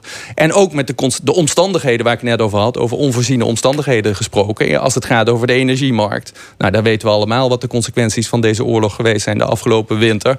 Maar ook als het gaat over uh, bijvoorbeeld de prijzen van diverse producten waarvan we uh, meer, in meerdere of mindere mate afhankelijk zijn. Ja, denkt u dat Nederlanders die koppeling nog te weinig um, in de gaten hebben? Dat uh, de hoge prijzen voor uh, de, de voedsel in de, in de, in de winkel, de brandstofprijzen, dat dat echt direct te maken heeft met die oorlog in Oekraïne? Nee, ik denk dat veel Nederlanders dat wel weten. Wat ik denk dat men dat minder goed doordringt, is dat door het gedrag van Rusland, want die zijn deze oorlog begonnen, het Rusland van Poetin, er zoveel onomkeerbaars gebeurd is in een regio enorm dicht bij ons, waar we ook heel erg mee verknoopt zijn op allerlei manieren, niet alleen economisch, maar ook politiek en maatschappelijk en cultureel, dat wij in een andere wereld terecht zijn ge gekomen. En in die andere wereld moeten we ons opnieuw herpositioneren. En dit is een onvoorziene wereld. En ik vind daarom heel terecht dat de Duitse regering consequent spreekt van Zeitenwende. Deze aanvalsoorlog van Rusland in Oekraïne is een Zeitenwende, een keerpunt in de tijd voor heel Europa. Ja, dat, dat zie je ook. Hè. Europa doet nu dingen die tot anderhalf jaar geleden ondenkbaar waren. Mm -hmm. Gasaankoop, uh, we hebben het in Europa ook over wapenhandel. Ja. We sturen zelfs munitie naar Oekraïne. Dat is onvoorstelbaar. Die, dit, dit is, is dit een begin? Zien we een nieuw Europa ontwaken? Nou, de, uh, de nood is aan de man. En dan is dat moment van knopen tellen er ook. Hoe kunnen wij onszelf beschermen? En daar wil ik wel even iets algemeens over zeggen. Kijk, uh, de waarden waar wij voor staan, daar ging het net over. Uh, democratie, rechtsstaat, mensenrechten. Laat ik het zomaar even heel kort samenvatten. Een vrije en open samenleving waarin iedereen in principe kan zijn wie die wil. En waar daar vrijheid van gedachten heerst. Die samenleving die is op dit moment... Uh, in Europa aanwezig in de lidstaten van, uh, van de Europese Unie. Hè, in allerlei verschillende schakeringen, maar dat is het basismodel. Die is aangevallen. Ik denk dat Zelensky daar gelijk in heeft. Hè. Dat, dat is de aanval van Rusland. Rusland is een ander model. Daar kun je niet schouderophalend nee. over doen. Hoe kun je je in de weer... Als je dan vervolgens kijkt naar de wereldverhoudingen... wie is er voor het ene model? Wie is er voor het andere model? En je bent een beetje, um, zal ik maar zeggen... Uh, realistisch aan de negatieve kant... dan zou je kunnen zeggen... nou, in Amerika was het onder Trump zo... dat die dat het maar helemaal de vraag was in dit conflict wat we nu hebben, of die de kant van Poetin uiteindelijk zou kiezen, of de kant van Zelensky en het Europa van de Europese integratie. Als je dat weet en je weet verder wat, er, wat China ongeveer de positie is, wat er in India aan de hand is, hoe Brazilië onder Bolsonaro, maar nu ook onder Lula eigenlijk opportunistisch eh, zich manoeuvreert en allerlei andere grote landen kan ik ook nog noemen, dan moet je tot de conclusie komen dat er maar een heel klein plekje op de wereld nog is en dat is een hele grote verandering met hoe wij 20, 30 jaar geleden naar de wereld Want toen dachten we dat er vanuit dat plekje in de wereld... een soort olievlekwerking zou zijn over de rest van de wereld Ja, met democratie. China zal En wel- democratisch Precies. worden. Ja. En nu moeten we eigenlijk concluderen dat het waarschijnlijk het totaal tegenovergestelde aan de hand is. Ja, en dan ben je dus een heel klein plekje en ook ongelooflijk kwetsbaar. Dat leidt ertoe dat er nu een enorme dynamiek is binnen Europa... om te investeren in veiligheid, jezelf beschermen... onafhankelijker te worden, strategische autonomie te ontwikkelen... zoals de Franse president Macron dat noemt. En dus ook in defensie te investeren. Ja, u maakt met enige regelmaat een podcast, Café Europa. De laatste aflevering gaat over emoties. Hoe beïnvloeden collectieve emoties de koers van de EU? Wat bedoelt u daarmee? Wat, Ja. wat zijn collectieve emoties? Nou, hoe, verband? be- hoe bedoelen, eh, beïnvloeden collectieve emoties, eh, zou ik willen zeggen, de politiek en het, eh, de, de mogelijkheden en onmogelijkheden van de politiek in, in, in het huidige tijdsgevricht. Ehm, en ik ben dan altijd gericht op Europa. Het heet Café Europa en niet Café Europese Unie. Hè? Want ik, ik denk dat je best wel op een heel aantal punten kunt zeggen dat Europa iets totaal anders is dan de Europese Unie. Maar al deze disclaimers even terzijde. Ja. Ehm, ik denk dat collectieve emoties ongelooflijk belangrijk zijn in de politiek. En, de- en in de samenleving spelen die altijd. Eh, U heeft in het eerste uur van deze aflevering met mijn collega van Zuidhogeschool, Anke Hoefnagels, over een aantal dingen gesproken die op dit moment het politieke debat eh, eh, karakteriseren. Nou, als je daar iets van kunt zeggen, is dat die emotioneel gedreven zijn. Wat ik heel belangrijk vind, is dat wij in de naoorlogse periode, dus de periode na de Tweede Wereldoorlog, in West-Europa en zeker ook in Nederland, heel erg gewend zijn geraakt aan politiek zonder emoties. Politiek zonder emoties werd ook gezien als eh, heel belangrijk. Omdat we hadden geëxperimenteerd met grote ideologieën en veel emoties in de periode eerste helft van de 20e eeuw. Dat had geleid tot twee grote wereldoorlogen. En het werd belangrijk geacht om die politiek politieke ideologie en de emoties die erbij hoorden... een beetje naar, naar de achtergrond te drukken... en je wat meer te richten op de praktijk. Technocratie, bureaucratie, praktische oplossingen, het poldermodel. Dat is allemaal heel rationeel. Dat heeft ook ongelooflijk goed gewerkt. Maar dat is nooit het hele verhaal. Dus als je je daar helemaal op focust... dan verlies je het zicht op wat er in de samenleving ook speelt. Namelijk allerlei gevoelens, sentimenten... eh, oprechte emoties, minder oprechte emoties... die, die heel bepalend ja, kunnen die, zijn. die monsterzegen van de BBB bijvoorbeeld. Is dat ook een vorm van emotie? Ja, dat denk ik wel. Dat, eh, de, eh, het is de BBB gelukt om eh, te kapitaliseren, om gebruik te maken van het sluimerende gevoel in de Nederlandse samenleving dat alles veel te technisch en technocratisch is en dus niet werkt in de praktijk. Dat die, al die plannen uit Den Haag, dat dat Ha- een Haagse werkelijkheid is die niet aansluit bij de gevoelens en de levens van de mensen in het land. Oké, maar vindt u dat aan zich een goede ontwikkeling? Of zegt u die combinatie van politiek en gevoel, emoties, dat, dat is een gevaarlijke cocktail? Eh, nee, ik, ik- kijk, ik, ik, eh, goed en slecht, eh, daar wil ik even van wegblijven. Ik denk dat dit een onvermijdelijke ontwikkeling is. En ik vind het een, een- het failliet van de huidige politiek... dat men niet in staat is om daarop te reageren op een geloofwaardige manier. Dat blijkt wel uit de verkiezingsuitslag van de Provinciale Staten. Ja. En daar zit ook een hele belangrijke opdracht. Blijf niet in je eigen tunnel van misschien rationeel overtuigende en onweerlegbare waarheden zitten. Want daarmee win je de hearts en minds om het zo maar eens te zeggen, van de Nederlandse bevolking niet. En dat is een trans-Europees fenomeen. We zien dat overal. Dus datgene wat zo ontzettend goed gewerkt heeft... een decennia na de Tweede Wereldoorlog... namelijk een beetje de emoties weghalen. Een, een technisch en technocratisch beleid maken. Daar hangt de Europese Unie ook van aan elkaar. De interne markt is helemaal op dat model eh, geënt. Ja. Ehm, dat heeft op een gegeven moment zijn houdbaarheidsdatum bereikt. Dat wil zeggen, als je daar alleen maar aan vasthoudt... Ja, dan is die andere werkelijkheid, die er ook altijd is in ieder mens... want behalve dat ieder mens een rationele kant heeft... heeft ieder mens, u en ik ook, een gevoelskant. Die komt ook in de samenleving op een gegeven moment naar boven. Zeker als je die consequent blijft onderdrukken. Ja, u zei al, in het vorige uur ging het over het, eh, de, de polarisatie in de samenleving, het wij-zij-denken. In uw podcast wordt de vraag gesteld: is beschaving überhaupt nog mogelijk na twee wereldoorlogen? Een grote vraag. Ja. Is daar een antwoord op, op, op te geven? Nou, ik raad iedereen natuurlijk aan om de, om, om de podcast even terug te luisteren. Zeker, van harte aanbevolen. Want we spreken daar met Roxaan van Iperen. Ja. eh, die, die hier ook eh, zelf altijd mee bezig is geweest in haar eigen eh, werk. Maar ik denk dat dat was de grote vraag na de Tweede Wereldoorlog. En het antwoord dat daarop gekomen is, is voor in belangrijke mate een praktisch antwoord geweest. En dat moeten wij niet vergeten. En dat praktische antwoord is een ongelooflijk succesvol antwoord geweest. Zo succesvol dat wij eh, heel lang gedacht hebben... ook dat het een model voor de rest van de wereld zou kunnen zijn. Daar hadden we het net over. Zo succesvol dat wij een welvarend eh, welvaartsniveau bereikt hebben... een welzijnsniveau bereikt hebben... dat onvergelijkbaar is met eh, welke periode in de geschiedenis dan ook. Maar het is niet het hele verhaal.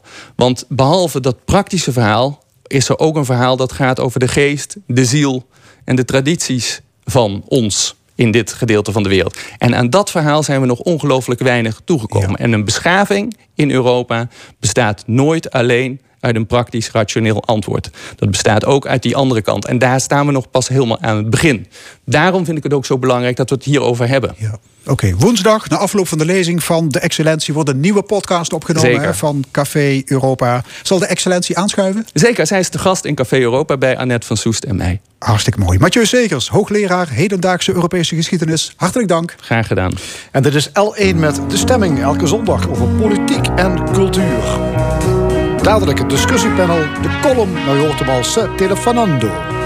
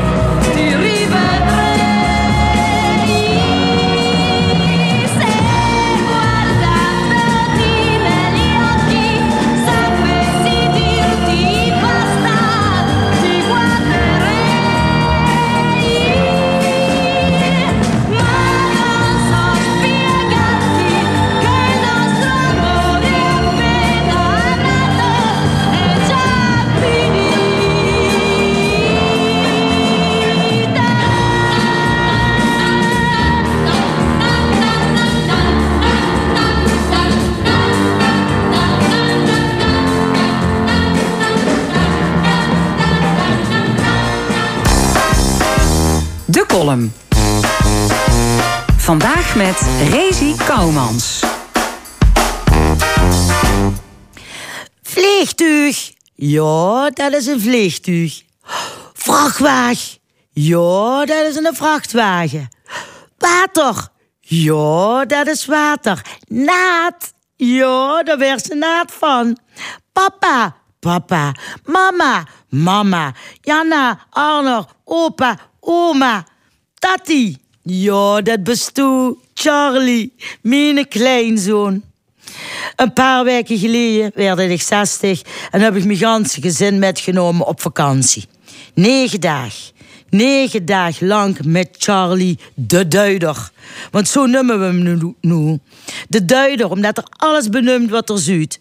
En na negen dagen waren we allemaal een beetje overprikkeld en doodmug. Maar dat was niet erg, want dat manneke moet nu eenmaal nog alles leren. En zo leert ze nu. Dingen voorzeggen en nazeggen. Maar wat als ik de kleine nu ander dingen voorzeg? De wereld is plat. Ja, plat. In Den Haag zitten alleen maar vampieren. Vampieren. Armstrong stond niet echt op de maan. Niet maan. Elvis is still alive. Leeft. En in Roswell is een UFO neergestort. En Rutte is ook een alien. Nu zou dat zomaar wel eens woord kunnen zijn. Maar goed.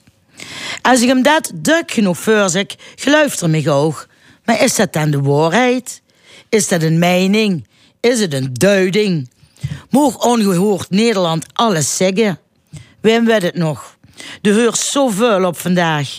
En we raken allemaal vermoeid en oververprikkeld. En dan is het wel erg. Althans, ik vind het erg, want dan schakel ik af. En neem ik mijn toevlucht tot ander non-informatie. Gordon had het uit met zijn vriendje. Nee, hij had sokker. En daar verduidt er zich gek. Dat komt niet door de drugs.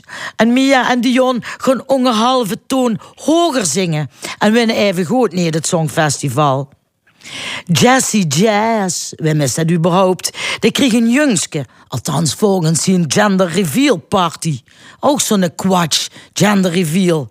In deze tijd moest het toch woke zijn? Hè? Zou het niet uit moeten maken of het een meisje of een jongske werd? Toen kreeg gewoon een kindje, punch. Of, wie schrap puts tegen mij zei wie ik van mijn in verwachting was. Als het in de knieën werd, eten we hem samen op. Moog RTL Boulevard de onzin allemaal uitkromen? Ik weet het niet. Ik ben oververprikkeld en doodmug. Of, om Weile Paul van Vliet te citeren... vragen, veel vragen. Dit is L1. En dan eh, hier aan tafel het eh, discussiepanel van deze week. Ik introduceer Amo Leenaars, eh Rezi Kouwmans en Wim Haan. Welkom alle drie. Ja, eerste onderwerp. Het schiet niet op met onze klimaatdoelen. En daarom komt het kabinet deze week met aangescherpte plannen. Maar liefst 120 nieuwe maatregelen heeft klimaatminister Jette voor ons in petto. Anders lukt het niet om de CO2-uitstoot in 2030 met 55% terug te dringen. Hoe kijken jullie daarnaar? Ja, maar Allemaal prima, al die plannen. Maar eh, we- het gaat natuurlijk om de daden. Het gaat om wat er, terecht, eh, wat er van terecht komt. Dat is natuurlijk al heel vaak het probleem bij de Nederlandse overheid. Bij alle mooie, mooie plannenmakerij. En er wordt ook heel veel geld gereserveerd. Maar we moeten het wel gaan zien. En er, er is toch haast bij, zou ik zeggen. Wim? Nou, eh, wat me opvalt is dat er eh, vooral gezocht wordt naar wat we gemist hebben... en niet wat het nou in totaliteit 120 in de... want dat is een complexe thematiek... wat het eh, ons gaat brengen eh, nadrukkelijk. Dus ik, ik, ik, ik verbaas me een beetje over dat we weer schieten in van... ik mis iets van belasting op lange vluchten... of langere internationale vluchten... of iets op vleestaks of iets dergelijks. Ik denk dat een, een fatsoenlijke poging is gedaan... om in elk geval eens serieus invulling te geven aan complexe problematiek... met een aanpak die, eh, die in elk geval ertoe neigt... dat het een noodzakelijk thema gaat worden. Ja. En het mag wat kosten, hè? Er hangt een prijskaartje vast van 28 miljard euro. Ja, ja dat, dat eh, Deze gaan zij ervoor uittrekken. Maar als ik dan sommige plannen hoor, dan denk ik... eh, hè, bijvoorbeeld dat iedereen in een elektrische auto moet gaan rijden en zo. Dan denk ik, ja, dat is toch ook niet haalbaar. Want de meeste mensen kunnen dat gewoon niet, zich niet permitteren. Er zijn mensen die kunnen hun huis niet verduurzamen. Die hebben daar geen geld voor. Dus als ze daar dan die, die 28 eh, nog wat... Nou, het is, we hebben begrepen vooral zo dat het bedrijfsleven ervoor moet gaan opdraaien. Vooral de vervuilende industrie, die, die krijgen een hogere CO2-heffing voor hun kiezen. Terecht?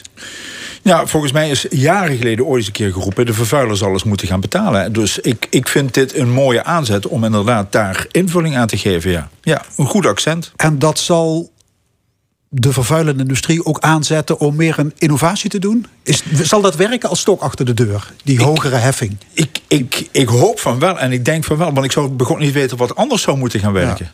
Want ik denk dat we langzamerhand, ja, volgens mij is het sentiment in Nederland dat iedereen behalve doordrongen is, alleen weten we niet precies hoe, dat we iets met duurzaamheid moeten, dat we iets met milieu moeten, dat we iets voor de toekomst moeten doen.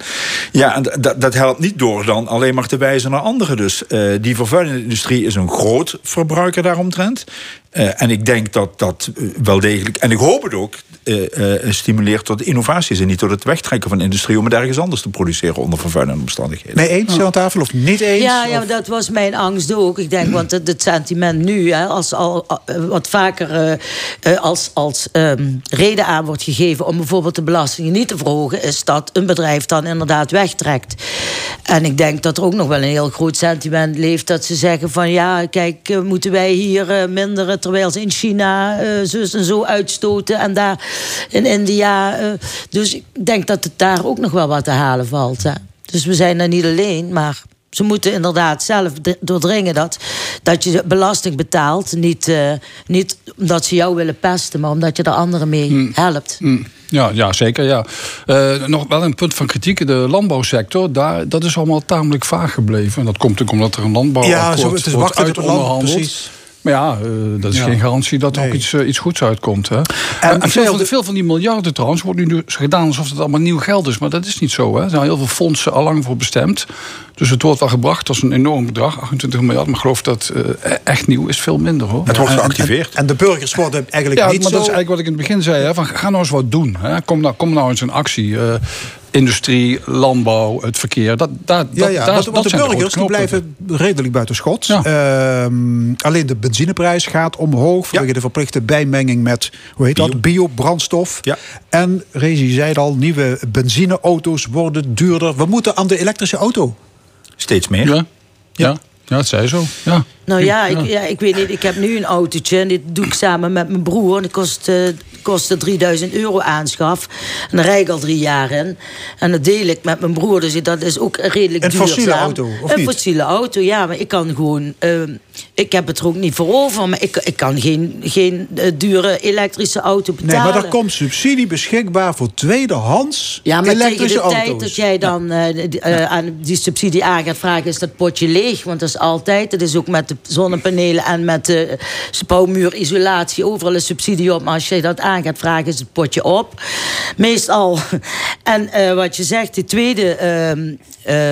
eh, Tweedehands elektrische auto's, die batterijen, die verslijten. Schaf dan maar eens een nieuwe batterij aan. Of weet ik veel. Dat is ook gewoon niet te betalen.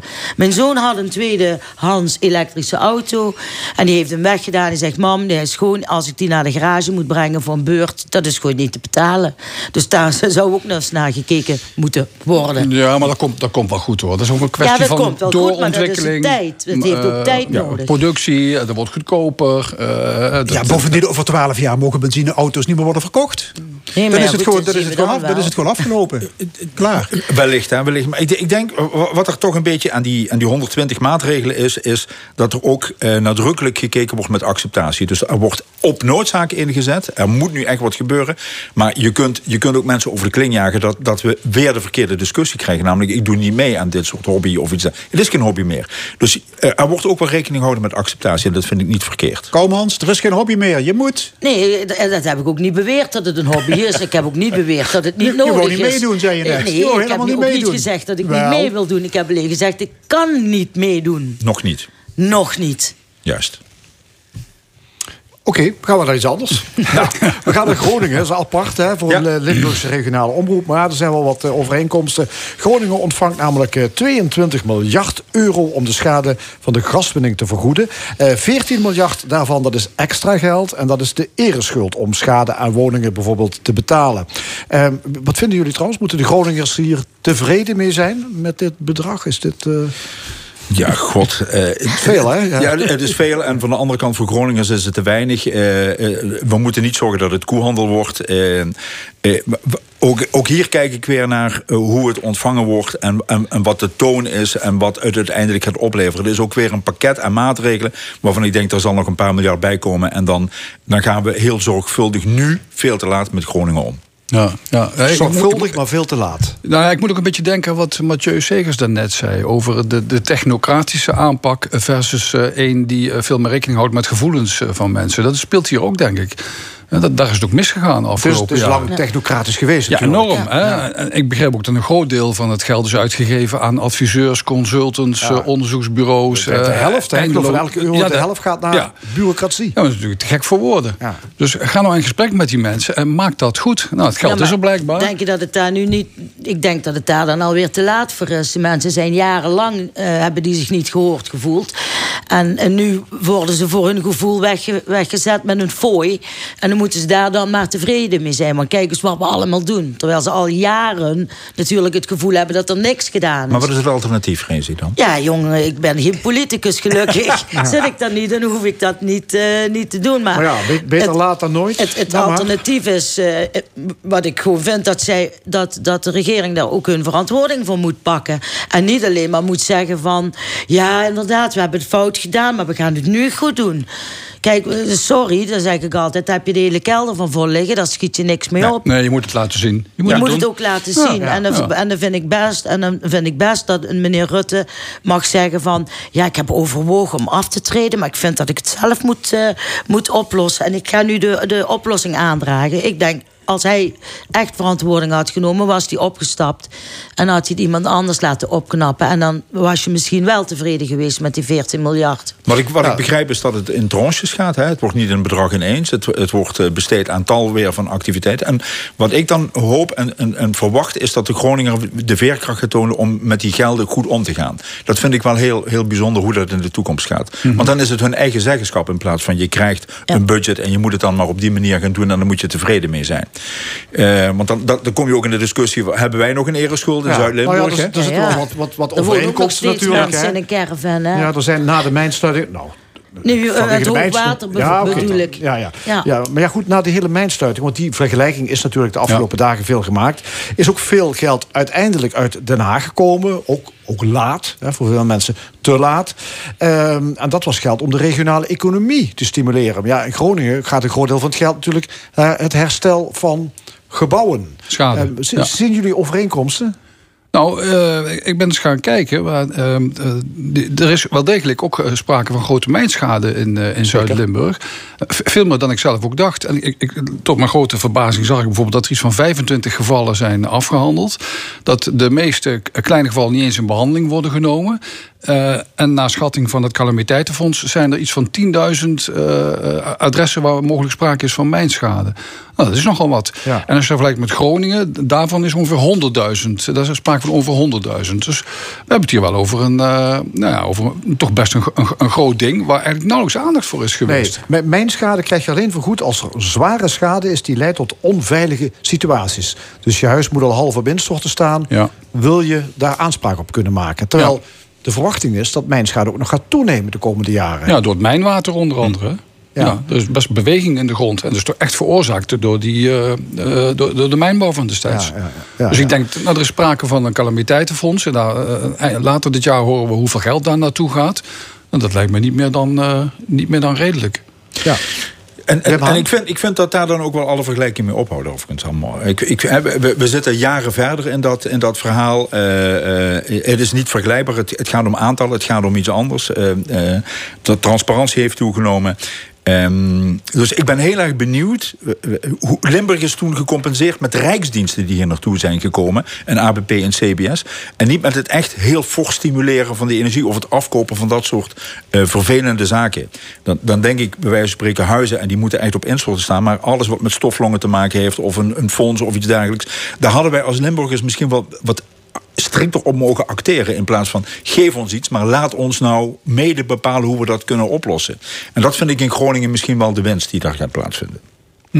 Mijn opinie. Ja, want de Groningers willen de, waters, weet dat, de waterstofprovincie van Nederland worden. De, kijk, daar- en de spreekt- landbouwregio Ja, voor de 21 daar spreekt dan eeuw. Dus dat zijn eigen. Ja. eigen plannen, Ja, zeg maar. daar spreekt Ja. ambitie uit. uit. En dat, dat is iets wat misschien wel uit de geschiedenis Ja. geleerd is. Ja, en wij zitten een beetje hier in Limburg met huilie huilie. Wat, wat is ons voor onrecht aangedaan met het sluiten van die mijnen? Dat vind ik altijd het, eh, het, het, het vervelende punt. Ja, Rezi, ik zie jou een beetje lachen Oh, zo. nee, ja, ja, ik vind dat heerlijk, eh huilie, huilie.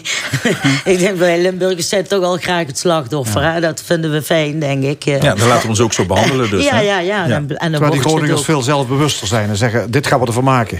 Ja, ja, weet ik Ja. niet. Misschien ook. Dat, dat, dat heeft ook een tijd geduurd Ik natuurlijk. ik wil het ook, Ja. maar, eh, ook Ja. maar eh, moeten accepteren. Ze- Het is ook nu pas dat ze daar meer bewust van... Pas de laatste jaren, hè, want Ja. het, speelt al, al heel lang. En, eh, en pas de laatste paar jaar hoor je er echt van. Hè. Maar dat is ook de wanhoop van mensen.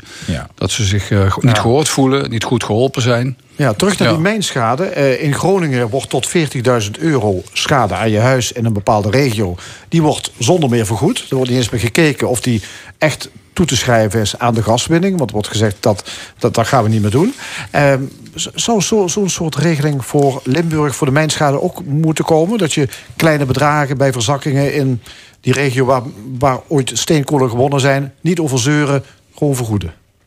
Ja, waarom niet? Ja. Ja, ik heb zitten kijken bij die 10.000 gevallen, als we daarvan uitgaan. Ik ben, uitgegaan van 50.000 euro, maar, maar 40.000 euro. Dan kom je uit op een half miljard.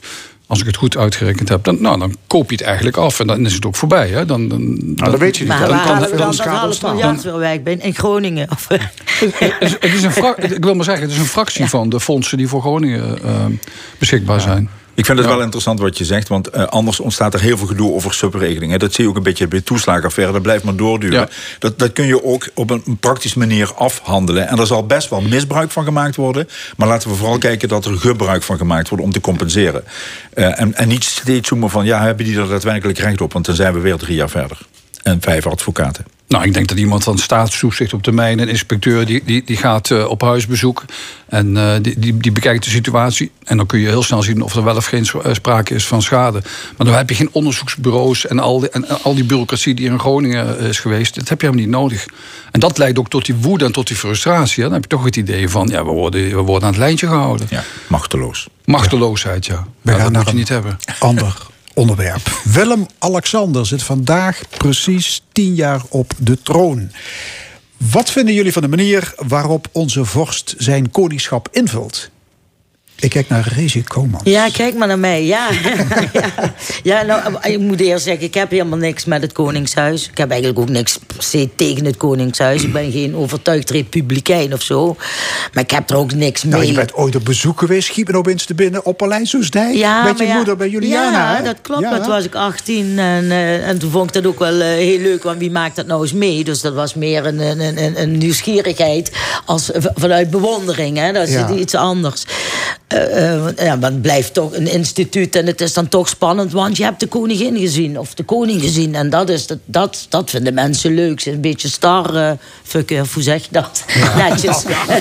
maar ja, of hij het goed doet. Hij, hij, hij kan het ook niet anders doen. Hij heeft geen keus. En hij is zoals hij is. En hij heeft geen keus? Ja, ja, hij kan ook zeggen, ik, ik hou ermee op. Maar anders heeft hij geen keus. Hij kan niet zeggen, nou, eh, ik ga het morgen... eh, Nee, maar iedereen kleurt dat op zijn eigen manier in natuurlijk. hè? ja, iedereen maar heeft een ook- persoonlijke stijl. Ja, iedereen heeft ja zijn, maar goed, dat is zijn Ja. stijl en zo is hij. Ja. Dus, en daar heb je ook geen keuze in hoe je bent. Ben je. Hij heeft, hij heeft gekozen voor een hele lastige stijl. Om wat populairder te zijn. Hij heeft natuurlijk wat minder formele plichtplegingen als bijvoorbeeld Beatrix. En Beatrix heeft het geluk gehad eh, dat zij van redelijk zakelijk opeens met wat crisissen kwam. En iedereen kan zich nog wel de zucht herinneren in Amersfoort. En dat ze zei, goh, is ook een mens. En daardoor steeg haar populariteit. Willem-Alexander is populair. Eh, wordt beoordeeld op een aantal van dat soort zaken. Ik heb me toch op onderdelen ook wel gestoord in Rotterdam. Dat je aan tafel zit en praat over het slavernijverleden. En dat, dat vind ik misschien wel een mooie actie. Maar dat er een camera en microfoon bij staat om alles op te nemen wat die goede man zegt. Hoe die moet beantwoorden. Dat is als voor jullie in een redactievergadering zitten. Ter voorbereiding erop. En daar staat de camera en de luisteraar luistert mee. Ik vind dat niet gepast. Het wordt dus uitvergroot. Wat, wat kan hij dan uiteindelijk goed doen?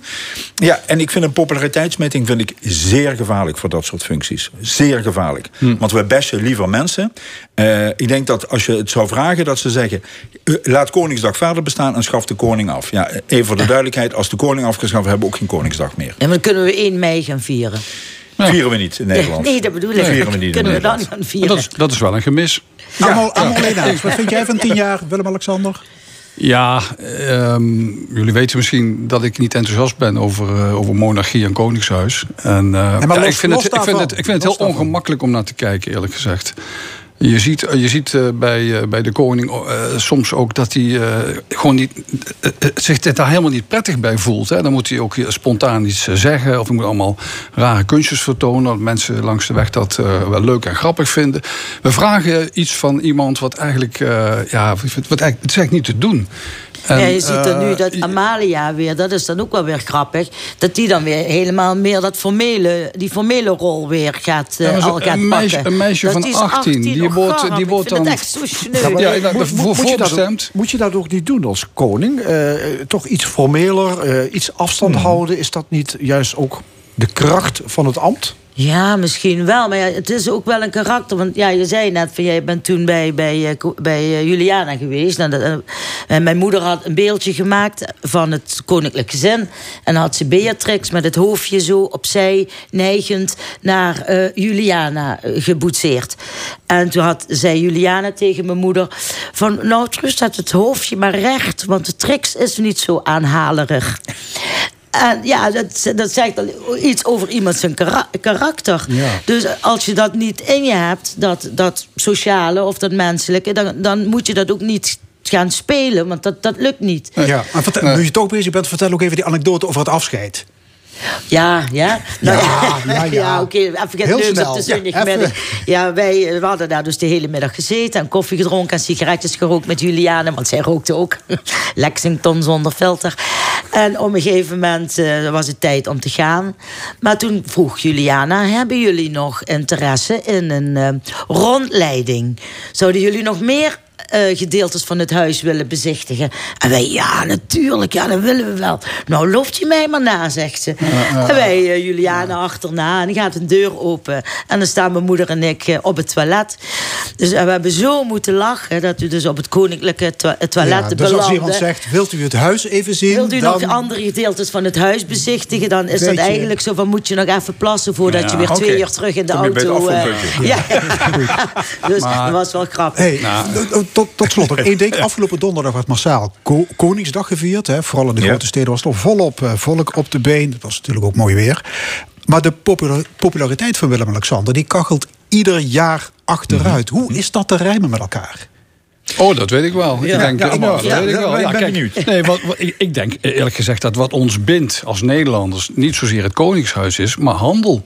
Een, een dag vrijhandel, dat is wat wij willen als Nederlanders. Daar wij komen, daar burgers komen we. Maar ik zag ook heel veel mensen... Maar ik zag ook heel veel mensen in oranje outfit. Jong en oud. Ja, maar dat is de kleur die we aan die dag hebben gegeven. Maar dat, maar dat doen we ook als we gaan voetballen. Ook allemaal in het oranje. Dat, dat, is ons prima. eigen, dat het wordt steeds meer ons eigen feestje. Daar kunnen we onze eigen identiteit, en dat is hele vreemde identiteit, los laten gaan. Maar het eh, persoonlijke naar een persoon, hè, of dat nou Rutte is, of dat dat nou Kaag is, of, we hebben op alles aan te merken op personen. Wij willen niet dat een persoon ergens mee geafficheerd wordt. Daar hebben wij als Nederlander heel veel moeite mee. We zijn, niet, we zijn niet trots op mensen. Hè. Even voor de duidelijkheid, maar als eh, Willem-Alexander beoordeeld wordt à la Boris Johnson qua populariteit, dan moet hij nog heel veel feestjes gaan houden en heel veel stoute dingen doen. De monarchie hoeft zich voorlopig geen zorgen te maken.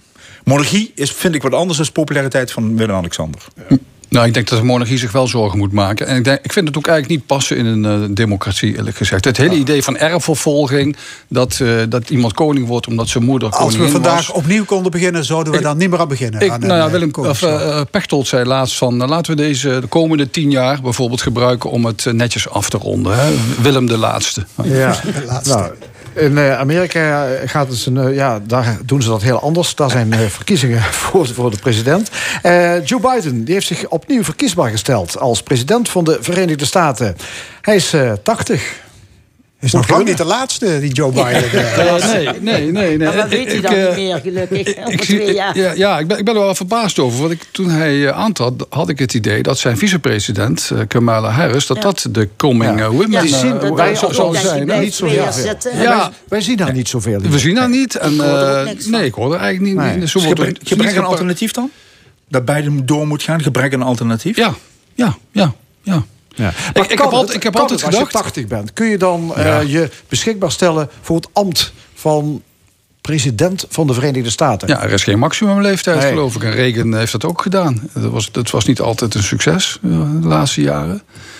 Ja, Dus kijk, ik- ik- ik eh, als je het je dan, als je dan misschien gaat bekijken als zijnde het Koningshuis, dan is Biden natuurlijk ook alleen maar een figuur die daar eh, staat. Alleen heeft hij dan wel, Nou, wel macht, de macht om een knopje wel of niet om te zetten. Maar ja, dan moet je toch ook een beetje vertrouwen hebben, denk ik dan, in de rest van zijn staf. Dat hij goed geïnformeerd wordt en goed, door, net zoals hier ook door de ambtenaren advies wordt Ja, gegeven. maar op wat betreft die leeftijd, eh, hersenwetenschapper Erik Scherder die zei deze week: we zijn te veel bezig met het stereotype van ouder worden. Je moet kijken naar de capaciteiten van iemand. Ja, wijze, wijze, wijze opmerking. Ja. Ik weet niet hoe oud Schredder zelf is. Weet ik niet. Nee. Geen idee. Boven de 100. Weet u goed over Bergen? Nou, nou, 80 is misschien het nieuwe 60. Maar goed, st- stel voor dat er iets, iets gebeurt met, eh, eh, met, met, met Biden of iemand die, op die leeftijd. En, eh, en nogmaals, hè, wij, halen, we halen vaak de wijsheid naar. Een, een, een, eh, Remkes is ook niet meer de jongste wat dat betreft. En wordt toch als wijs man gezien. Eh, dus we hopen dat die wijsheid daar komt. Maar ik, ik, het systeem zit vast, volgens mij, precies zoals jij aangaf. We hadden gehoopt op een goede, krachtige, eerste vrouwelijke, eh, Ja. eh, anders gekleurde president in Amerika. Dat, dat wordt het niet. Dan moet Biden blijven zitten, omdat aan de andere kant Trump zit. Als, als, als Biden weggaat, speelt dat heel erg in de hand van Trump. Omdat dat gewoon een, een bijzondere vaardige, gevaarlijke man is, vind ik op die manier. En er is de, eh, aan de democratische kant is het alleen Biden die het Schijnbaar Trump kan wel. opnemen. Schijnbaar wel. Schijnbaar wel, ja. Schijnbaar wel. Als je, als je in het oog van de macht zit, dan krijg je dus heel veel, heel veel aandacht. Ja, maar En- het is dan ook jammer eigenlijk dat ze die, dat ze die eh, Kamala Harris niet, eh, niet eerder een beetje eh, ge- ge- gepromoot hebben of, of hebben laten shinen op sommige. Ja, ik Misschien. begrijp dat ook niet goed. Want Ik dat, een, ik dacht eh, het ook. Ik denk, oh, dan zit ja. hij twee jaar en dan wordt hij ziek. En dan wordt Kamala Ja. Harris, Ja. eh, volgt hem eigenlijk Ze heeft de automatisch leeftijd niet erin, ze is, ze is te jong. Ja, en, en vrouw misschien en zwart, weet ik niet. ik weet niet wat ze Maar ik, heb, ik, heb, ik heb heel lang gedacht, kijkende naar de Verenigde Staten en naar de demografische ontwikkeling, dat het ook haast niet anders zou kunnen dan dat een, eh, een, een migrant en bijvoorbeeld een, Ja. en een vrouw, een progressief, dat die eh, uiteindelijk president zou worden. Ja. Maar dat hebben we dus helemaal verkeerd Ja, gezien. dat is Nou, Amerika misschien ook nog te Kan nog komen conservatief voor. Hè?